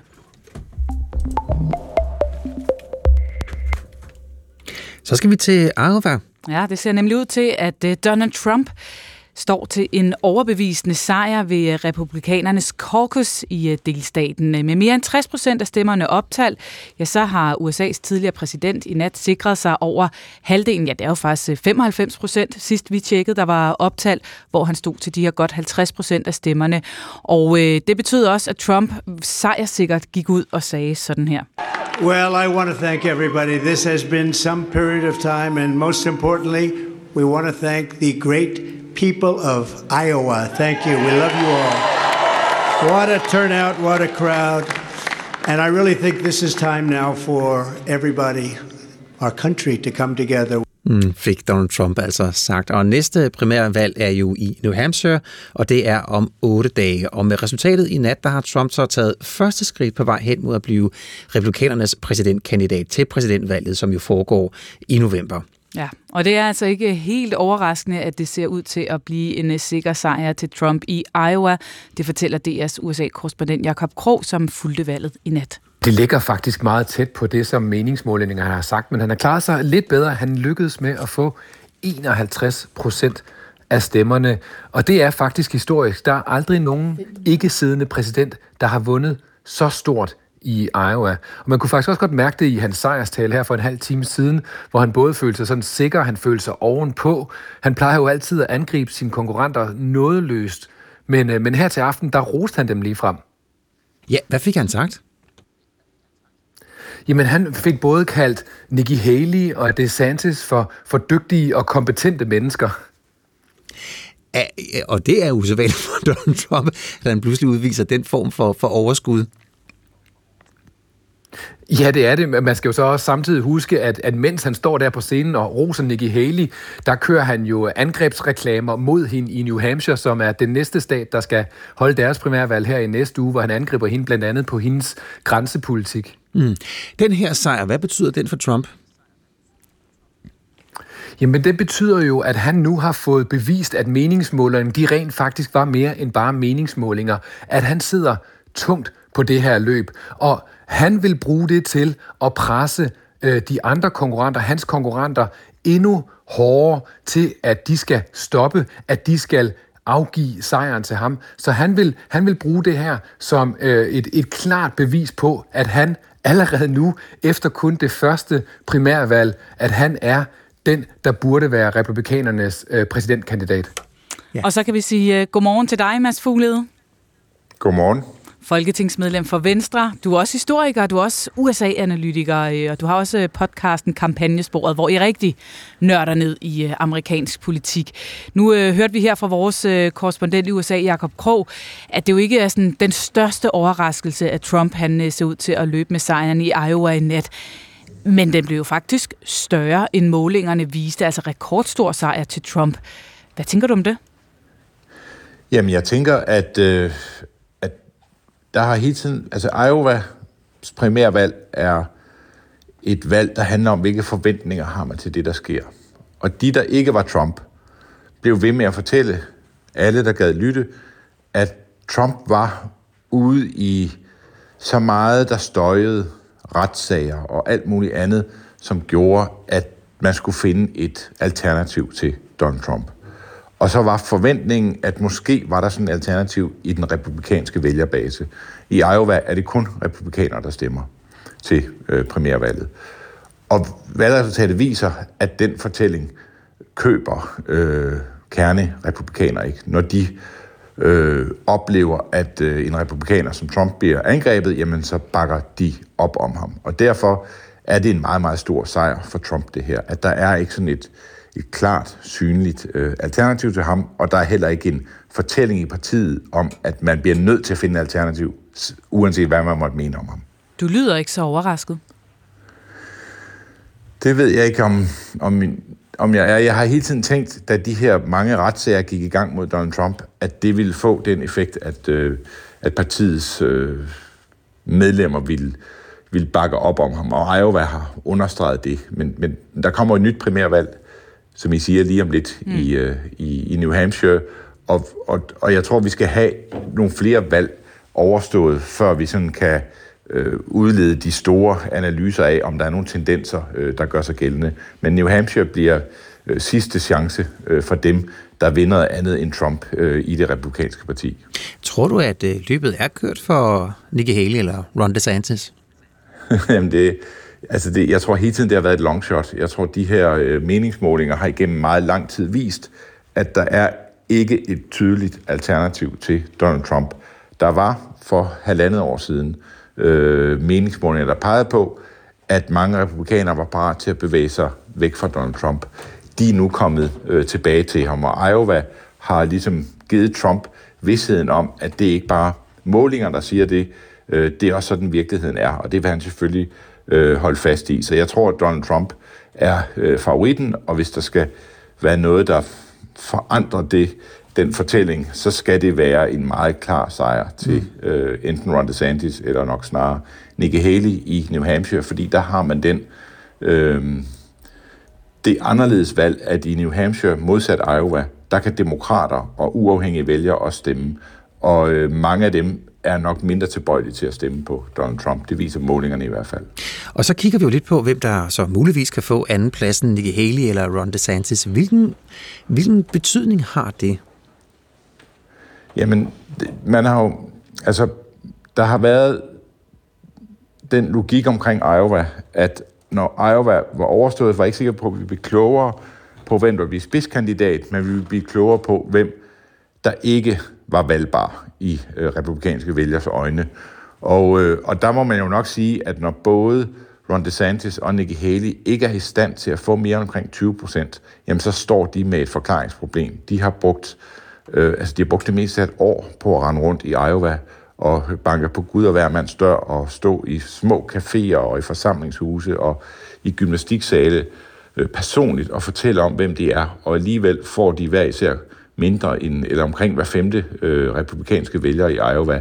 Så de skal jo i den grad overpræstere øh, ved de næste valg, ellers så øh, er der ikke nogen mulighed. Og så er selvfølgelig debatten, hvis nu en af dem går ud, får den anden så vedkommende stemmer, og det er der faktisk ikke så meget, der tyder på. Så det er ikke sikkert, at nogen af dem egentlig ønsker, at, den, at Ron DeSantis sidder ikke og ønsker, at Nikki Haley forsvinder, og Nikki Haley sidder nok heller ikke og ønsker, at Ron DeSantis øh, forsvinder, fordi der er meget, der tyder på, at de vælgere, der så falder fra der, ikke nødvendigvis går over til den anden. I mm. Ron DeSantis tilfælde vil et flertal af dem, i tilfælde at han forsvandt, viser målinger, faktisk gå til Donald Trump. Så Nikki Haley har en eller anden underlig interesse i, at han bliver hængende noget længere.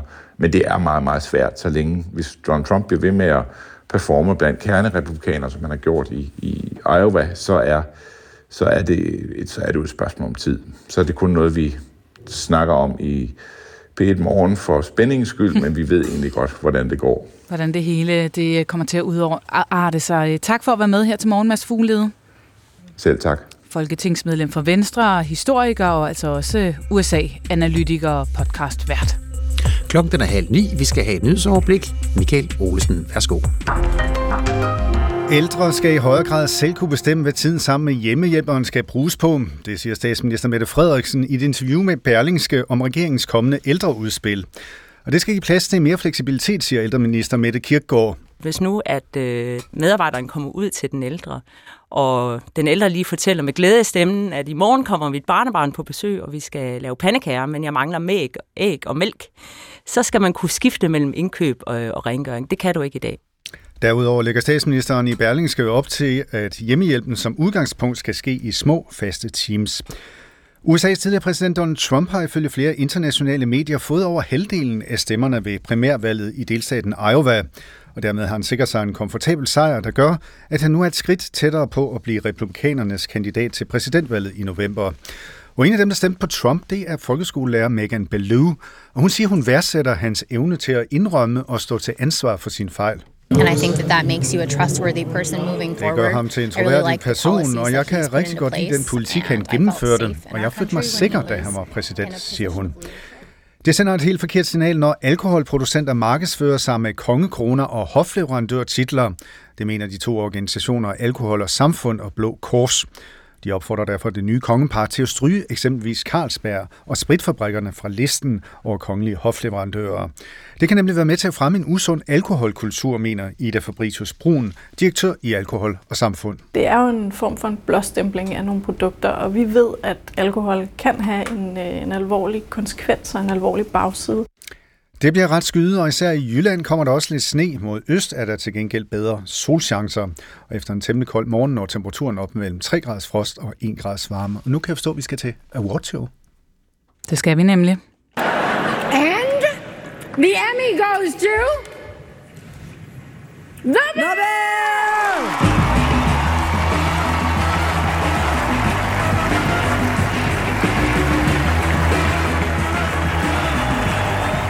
Ja, vi taler om hele 13 nomineringer og 10 sejre. Det var nattens opgørelse efter Emma-uddelingen, hvor den helt store guldfugl var første sæson af kokkeserien The Bear. Ja, serien øh, den sejrede blandt andet i kategorierne bedste komedie, bedste mandlige hovedrolle, bedste kvindelige og mandlige birolle i en komedieserie. Så godmorgen til dig, Anne Andersen. Godmorgen. Filmjournalist og ekspert. Det er også en hyped serie, vi har med at gøre her, The Bear. Øh, hvad er det, der gør The Bear? Og det er altså så sæson 1 her, som øh, bliver den helt store vinder. Ja, det er lidt forvirrende, fordi den har jo lige vundet fra sæson 2 til Golden Globe og Screen Actors Guild Awards. Man skal lige holde tungen lige i munden. Mm. Men, øh, men det her er sæson 1, der vandt i nat. Og øh, altså, den gør øh, noget, som jeg i hvert fald ikke sådan har set lavet så godt tidligere, nemlig skildre det her kokke- og restaurationsmiljø, øh, så man virkelig øh, altså nærmest har en følelse af, at man står midt i det der køkken, og står midt i det der hurlumhej, hvor folk skriger og råber af hinanden, og stressniveauet er op øh, over, øh, over 10. Altså, øh, øh, så på den måde øh, altså, lykkes den med at skildre øh, atmosfæren, øh, samtidig med, at den også er, er stærkt karakterdrevet ved at have den her hovedperson, Kami, øh, som jo øh, arver en øh, familierestaurant i Chicago, og ligesom skal finde ud af, om øh, han vil sælge den, øh, eller han vil beholde den, øh, øh, inklusive hele personalet og hans fætter Richie, som er en lidt øh, vred, aggressiv karakter. Øh, man roligt sige. Og, og, og måske endda drømme om at gøre det her øh, lille familiested til en stor gastronomisk øh, øh, restaurant. Mm, og for alle dem, der ikke lige har set The Bear, Anne Lind, altså hvad er det for en serie? Hvad er det, den vil? Jamen, og dels uh, skildrer det, uh, jeg lige har beskrevet, men, men genremæssigt, så uh, bevæger den sig i sådan et uh, sjovt minefelt af, af komedie og, og drama. Uh, så, så der ligger jo, altså jeg, jeg tror, de fleste, der har set den, og især sæson 1, vi jo måske nok synes, der er lidt langt øh, i, øh, imellem humorøjeblikkene, men den er der. Den ligger mere som sådan en sort humor, sort komedie, der ligger under alt det her groteske, vilde, stressende, man, man sidder og oplever, og det er stressende. Altså jeg kan huske, at jeg så første sæson, så skulle jeg lige tage nogle øjeblikke, hvor jeg lige skulle trække vejret, fordi huh, det kom, øh, mm. det, det kom op i, i de høje adrenalinniveau, ikke? Øh, men det er det, den kan. Ja, sådan havde jeg det altså også øh, lidt, da jeg så den. Så faldt ja. der ligesom på en eller anden måde lidt mere ro over øh, anden sæson. Men det er, jo, det er jo første sæson, det her. Og det er især også castet, som øh, har fået en, øh, en masse øh, priser her. Hovedrollen, og øh, både den kvindelige og, og mandlige, og øh, også en, en birolle her. Hvad er det ved castet, der er så stærkt? Jamen, altså, jeg tror faktisk også, noget af, af, af Emmy Award-prisen i nat til casting, den, den er også gået for, for satset, der ligger i det. Fordi man skal tænke på, at da den her serie startede, så var alle de her navne, som nu har vundet nat, de var jo fuldstændig ukendte. Og det er altså et stort sats at starte på en ny serie, øh, men med fuldstændig ukendte ansigter. Øh, og, og det så er lykkes, altså i hvert fald specielt for hovedrollen Jeremy Allen White, og, og, og ligesom at blive et navn på så kort tid, som jo han, han er blevet, og det er jo også kvæg hans, øh, hans filmvalg. Han har lige lavet The Iron Claw, øh, og så har han jo lige lavet en stor Calvin Klein-reklame, hvor han øh, ligger i, i sine hvide underhylder øh, på kæmpe billboards øh, i New York. Som er gået mere eller mindre viralt, viralt ikke? Ja. Han er gået viralt, øh, det må man også sige, men han har i hvert fald formået at skabe sig en karriere ud af den her rolle. Øh, så, så det sats øh, har jo været godt, og så bliver han jo bakket op af, af en række virkelig stærke øh, birolleskuespillere, som man jo også skulle se. Øh, Ibn Moss Bagak og Ayo Edebiri, der også vandt øh, i nat. Men han har satset, siger du, med det her cast. Øh, manden bag succesen, Christopher Storer. Øh, hvad er det, han kan i forhold til at spotte altså en helt ny type serie med et helt nyt type cast? Uh, ja, altså det her, hele den her serie succes skal tilskrives Christopher Storer. Han er amerikansk uh, manuskriptforfatter, producer, instruktør uh, og showrunner, ikke mindst. Uh, altså han kører simpelthen selv hands-on øh, alt, hvad der foregår på den her serie. Øh, og det er ham, der har fundet på den. Han er hjernen bag. Øh, så så øh, jamen, det er det, han har tur sat sig på at skabe en serie, der på, i hvert fald øh, der for første sæson, på sin vis er enormt krævende at se som serie. Nu snakker vi om det der stressniveau, det hektiske, folk råber og skriger i munden på hinanden. Øh, altså, og tur at fortælle en øh, scener på den måde, så er det i øvrigt også, skal lige sige, så er der jo nogle tekniske ting også vi ser, som er ret interessant, som den også vandt priser for. Den øh, er optaget kun med et kamera, og det der kamera, det bevæger sig hele tiden øh, lige midt i scenen, altså ind midt imellem skuespillerflokken, mens de står og råber af hinanden. Og det giver jo den der fornemmelse til seeren, at, at, øh, at man er til stede i rummet, man står faktisk lige ved siden af, hvilket måske også er en af grunde til, at den føles ekstra stressende at se. Øh, men det er helt meningen. Så, så han har jo gjort sig nogle tanker om, øh, hvad det er, han vil, og så det, at han går ud Altså, det er jo fuldstændig sjældent, vi ser det, at han går ud og så laver en anden sæson, som er endnu bedre end den første meget roste og nu prisvindende sæson. Det er ret vildt. Men er det her også en, øh, en anden og ny måde at lave en, øh, en fortælling på? For som du siger, tempoet er utrolig højt, men så pludselig så stopper det hele jo op, og så hører vi nogle monologer, som er rigtig lange, og der går tempoet ned, men hold da op, hvor kommer vi dybt, dybt ind i, øh, i personerne og deres udvikling. Jamen præcis, det er at ture de der forskellige ting, som man ikke er låst fast på genren. Altså man kan sige, at hvis man ligger i et land, der hedder dramedy, altså blandingen af drama og komedie, så vil man typisk sådan prøve at, at, at, at lægge sig som sådan et blødt vand lige midt imellem. Men han, han, han skifter jo hele tiden, han kammer jo hele tiden over i enten det ene eller det andet, og så får man begge dele, så får man lige præcis de der meget karakterdybe øh, scener og dialoger, øh, og så får man øh, øh, tempo tempoet og, og den hurtige klipning og, og, og, og atmosfærebeskrivelsen. Ikke? Altså så får man begge dele, og så plus humoren, plus alvoren, der hele tiden ligger og, og, og eksisterer side om side. Altså, og det er jo nogle af de ting, som er enormt svære at ramme, når man skriver og skaber en serie, men som har i den grad er lykkes for Christopher Story. Mm. Tak for det, Anne Andersen. Ja, selv tak. Filmjournalist og ekspert. Og så kan vi jo lige sige, at den øh, tredje sæson er bekræftet. Det er jo gode nyheder. Måske også lidt af et sæt. Der er i hvert fald noget at, at leve op til for filmskaberen her, eller serieskaberen øh, Christopher Storer her. Klokken er blevet 20 minutter i 9, og det skulle jo have været den helt store nytårsbombe fra regeringens side. Ja, så smed dronningen en endnu større nytårsbombe. Men nu løfter regeringen så, så småt i hvert fald for nogle af de centrale elementer i den længe ventede ældre reform. Ja, faktisk så meget, at Mette Frederiksen i dag i Berlingske kalder det for et paradigmeskifte. Udspillet øh, indtil videre, det vi ved af det, det handler øh, ja, kort fortalt om at give den ældre lov til at vælge mere i hjemmeplejen, om at lave en helt ny tilsynsmodel, som øh, alt i alt skal frigive mere tid til pleje og mindre tid til kontrol. Og øh, det var faktisk ikke bare i øh, dette års nytårstale, at øh, opgøret med den nuværende ældrepleje var udset til at spille en stor rolle også i 2022, sagde Mette Frederiksen sådan her. Ikke sådan der. Hun sagde sådan her. Jeg vil derfor i aften foreslå noget vidtgående. At vi afskaffer den omfangsrige regulering og lovgivning, der i dag er på ældreområdet. Ja, og øh, nu er hun altså så klar igen langt om længe med øh, et par øh, forslag til en ny ældrereform. Og øh, Bjarne, det kan være, at vi lige skal rise de to forslag op, som er omtalt i dagens Berlingske. Ja, fordi det første centrale punkt, det er, at der skal være mindre tilsyn Ja, det er jo sådan i dag, at kontrol. der, lige præcis. I dag er det de 98 kommuner, der hver især står for deres tilsyn, så er der også et statsligt tilsyn. Alt det skal lægges sammen i et øh, tværkommunalt, kommunalt hedder det, øh, tilsyn, og, og som skal stå for at koordinere alle mulige andre slags tilsyn, der måtte komme fra brandmyndigheder og alt muligt andet.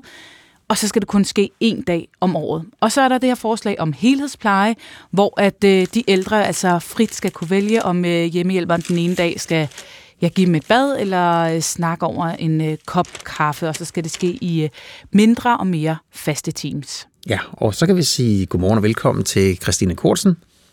Godmorgen.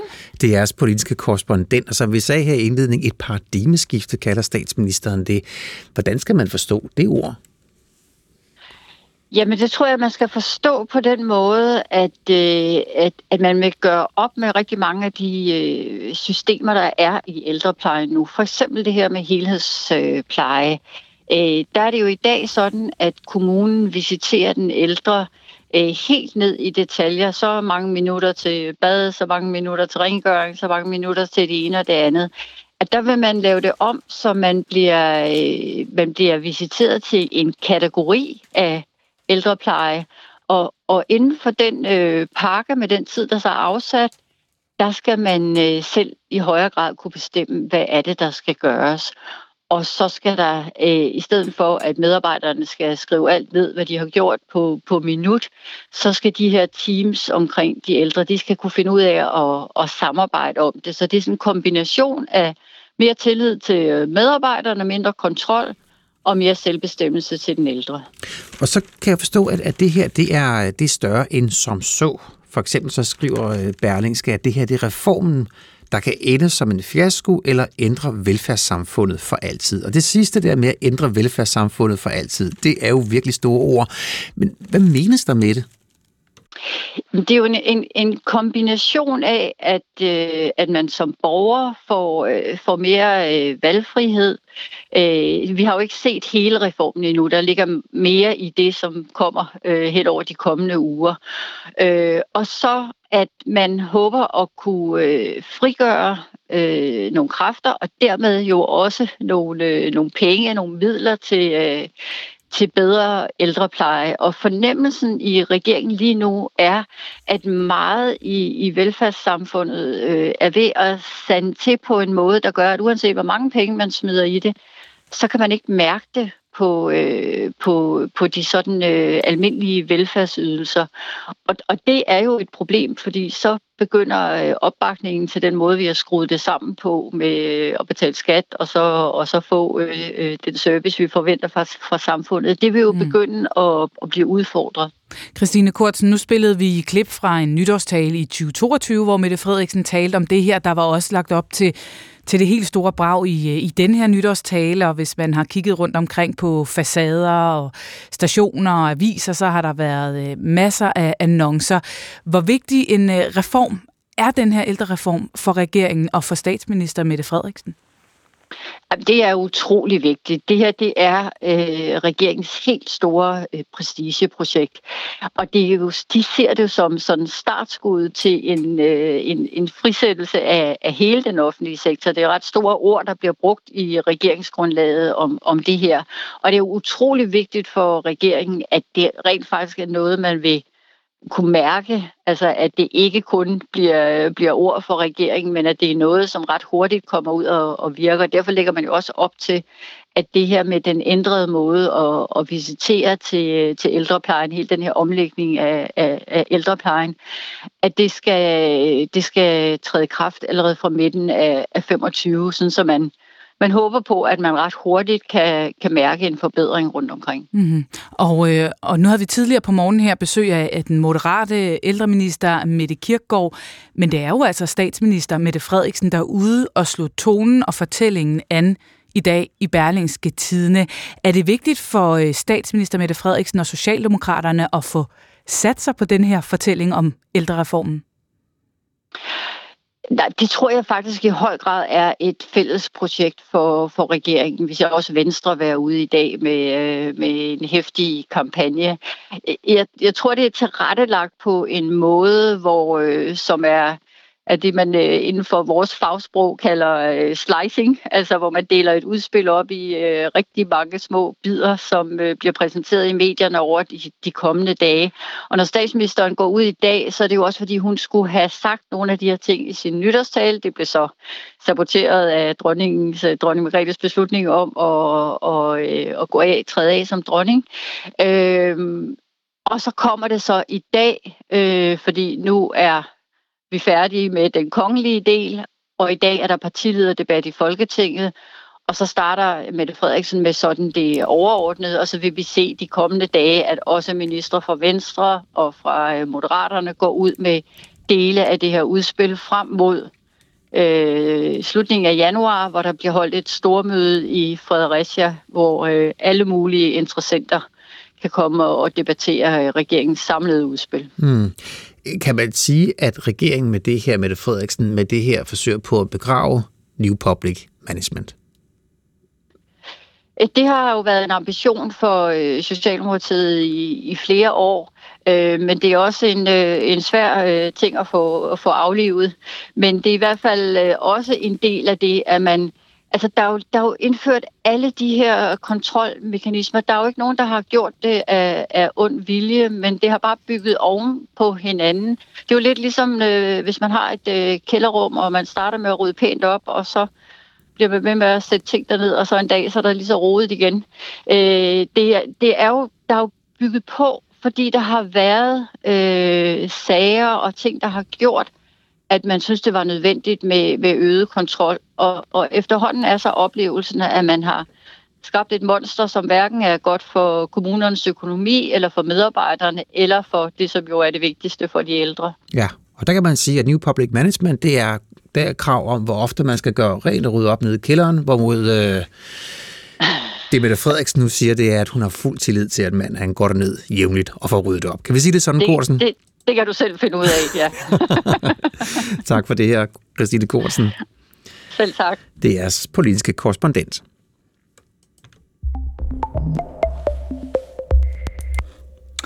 I aften der får jo naboerne til jordrensningsvirksomheden Nordic Waste i Randers mulighed for at få svar på nogle af deres spørgsmål om det jordskred, som jo altså tilbage i december sendte millioner af tons forurenet jord i bevægelse, og øh, som jo altså risikerer i værste fald at udløse en kæmpe miljøkatastrofe, hvis det ender i øh, den nærliggende Alling Å. Ja, fordi kommunen holder nemlig i aften informationsaften.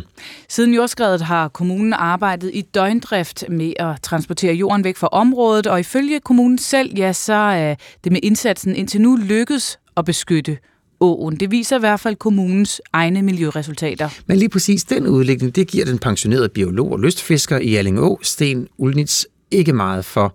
Og øh, Sten Ulitz, han er medlem af det, som Randers Amtsavis har døbt den hemmelige gruppe. Den hemmelige gruppe, som består af en række modstandere af Nordic Waste. Og gruppen har jo gennem årene skrevet flere advarsler til kommunen om netop risikoen for jordskred.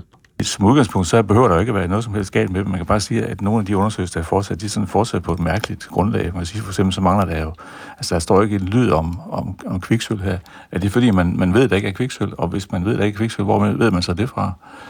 Det er en af tingene, og så er der heller ikke nogen, øh, den der meget kendte BI5-værdi, altså det, det er sådan en øh, størrelsen af det biokemiske ildforbrug i forbindelse med alt det jord, der er røget ud i åen her. Den, den var heller ikke til stede på den første dag, den har de så fået med nu her bagefter. Så det virker sådan lidt øh, lemfældigt Ja, men hvis ikke der er oplysninger om kviksøl, så kunne det vel være fordi, at der ikke er fundet kviksøl. Det kan man håbe på, ja. Mm. Men det Nå, tror bare sådan, I sådan nogle steder her, hvor man dumper alt muligt, har gjort det gennem mange år, der plejer altid at være, til, der plejer altid at være kviksøl til stede. Ja, men hvad får dig til at sige, at øh, det tror du ikke helt på, det her?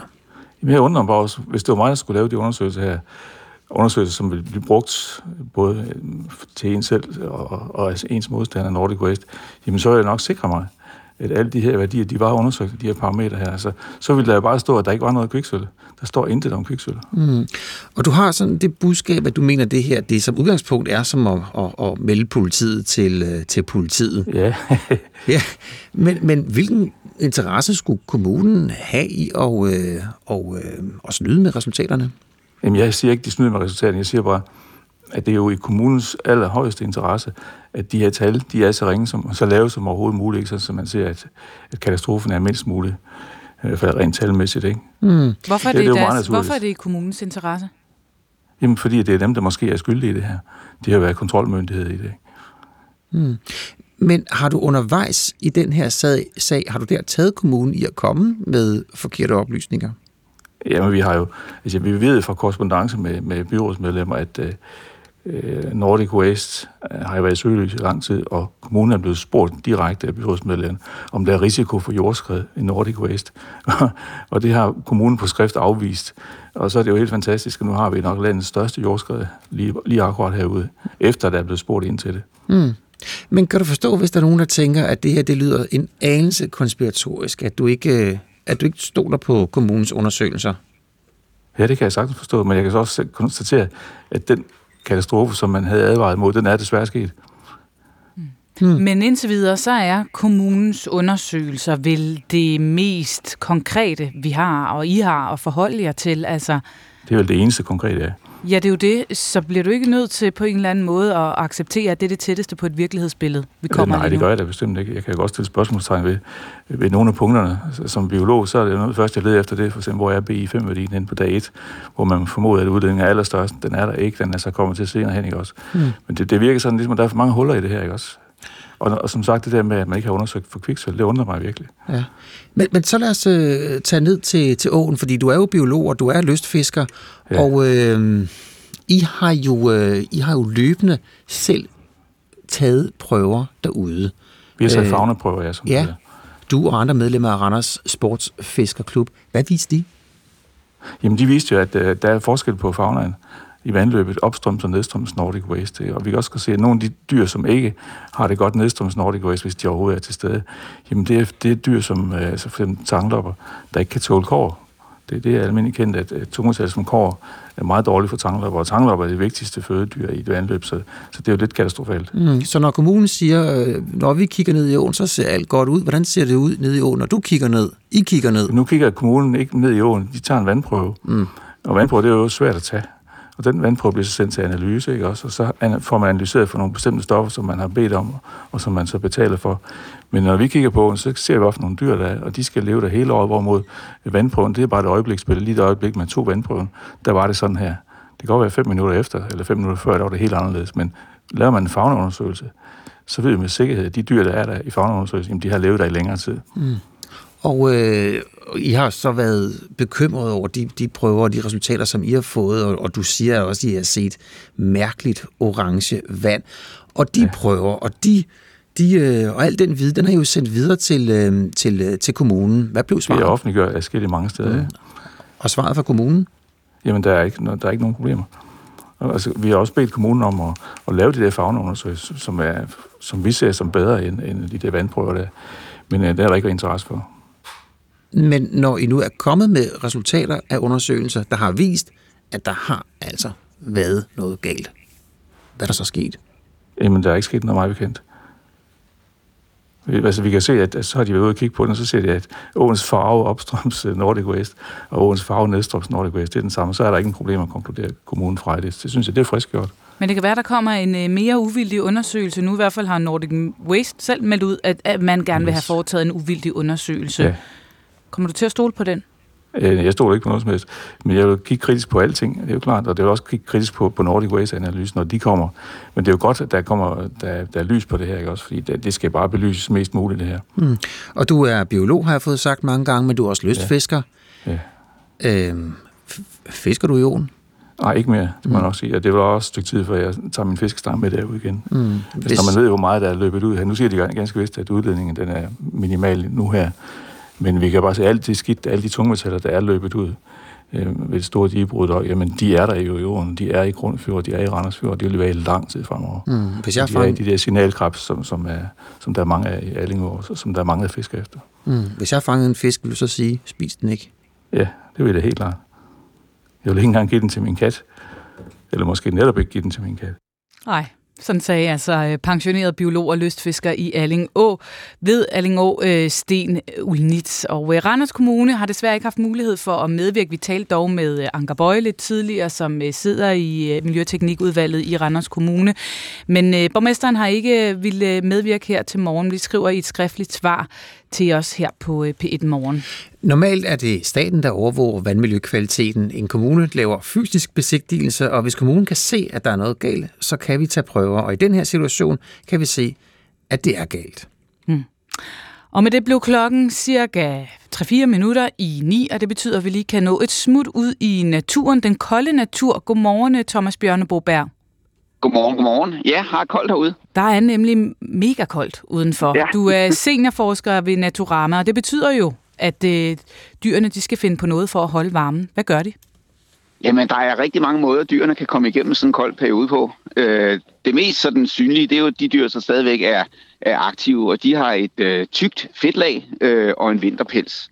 Øh, det er jo sådan noget som, øh, som hjortene og, og revene og, og sådan, ikke? Så, og, og så er der så dem, som, som vælger at, at tage nogle, nogle gode lange nap indimellem. Det er dem, som går i øh, har sådan en vintersøvn. Det kan være grævlingen for eksempel, det kan være æren. Nu har jeg godt nok lige set et æren øh, smutte rundt her til morgen øh, og lede efter sine, sine maddepoter rundt omkring, øh, hvor den har gemt valnødder og hasnødder. Øh, og, øh, og det er jo sådan en, som, som sover øh, vintersøvn, men altså godt kunne være blevet lukket frem af sådan en tidlig, flot morgen, som det er i dag. Øh, så er der dem, der, der går i, i decideret vinterdvaler. Det er der faktisk rigtig, rigtig mange dyr i Danmark, der gør. Altså øh, alle flagmusene, øh, vi har hasmusen, vi har birkemus, vi har alle krybdyr og padder, øh, de, de går i, i dvale, hvor de sover i øh, tung søvn.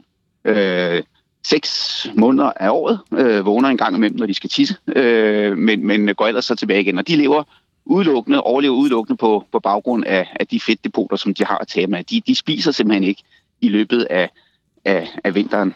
De vågner simpelthen bare, når de skal tisse, og ellers så sover de imellem to og seks måneder, siger du? Ja, det gør de. Vi kan jo, nogle af os kan jo også genkende det der med at vågne, når man skal tisse, og, og, og det gør de altså også, fordi deres stofskifte, den kører jo stadigvæk, selvom det er, er på meget lav plus. Øh, men, øh, men alle sådan nogle biologiske processer, det skaber jo nogle affaldsstoffer, som de skal af med. Øh, og når der er tilstrækkeligt mange af dem, så, så vågner de altså på at tisse. Og det bruger de stort set 70 procent af deres oplagrede fedt til ligesom at varme sig selv op, før man kan komme ud og tisse, og så går de så tilbage igen og øh, og sover videre i, i den rede, som de, som de nu har bygget til formålet. Mm, og så er nogle øh, dem, der er på farten hele tiden, som skal finde føde hele vinteren. Ja, det er jo sådan nogle, som, det er jo, det er jo helt ufatteligt egentlig, at, at, de, at de kan, kan komme igennem vinter. Det er sådan nogle som spidsmus, altså som, øh, som øh, har øh, mellem 12 og 1500 hjerteslag i, i minuttet, ikke? Øh, og har et kæmpe stofskifte, og stort set skal spise hver tredje time. Øh, og sådan en spidsmus, den er fuldstændig afhængig af, af insektføde. Og man ved jo, at øh, insekter er ikke dem, man ser flest af her om vinteren. Øh, så der kan godt være langt mellem bøfferne. Men ikke desto mindre, så, øh, så har de altså virkelig travlt og, mm. og, skal, finde, og skal finde nærmest deres egen dagen. Ikke? Mm. Øh, det er ganske imponerende. Det er, det er nogle store bøffer, de skal ud og, og finde. Ja. ja. Tak for at være med, Thomas øh, Bjørneboberg. Selv tak, og have en rigtig god dag. I lige måde. Seniorforsker ved Naturama. Vi skal sige tak til Anders Christian Jørgensen og Mette Dalgaard. Her i studiet var vi Bjarne Stensbæk og Pernille Rodbæk. Gå på opdagelse i alle DR's podcast og radioprogrammer. I appen DR Lyd.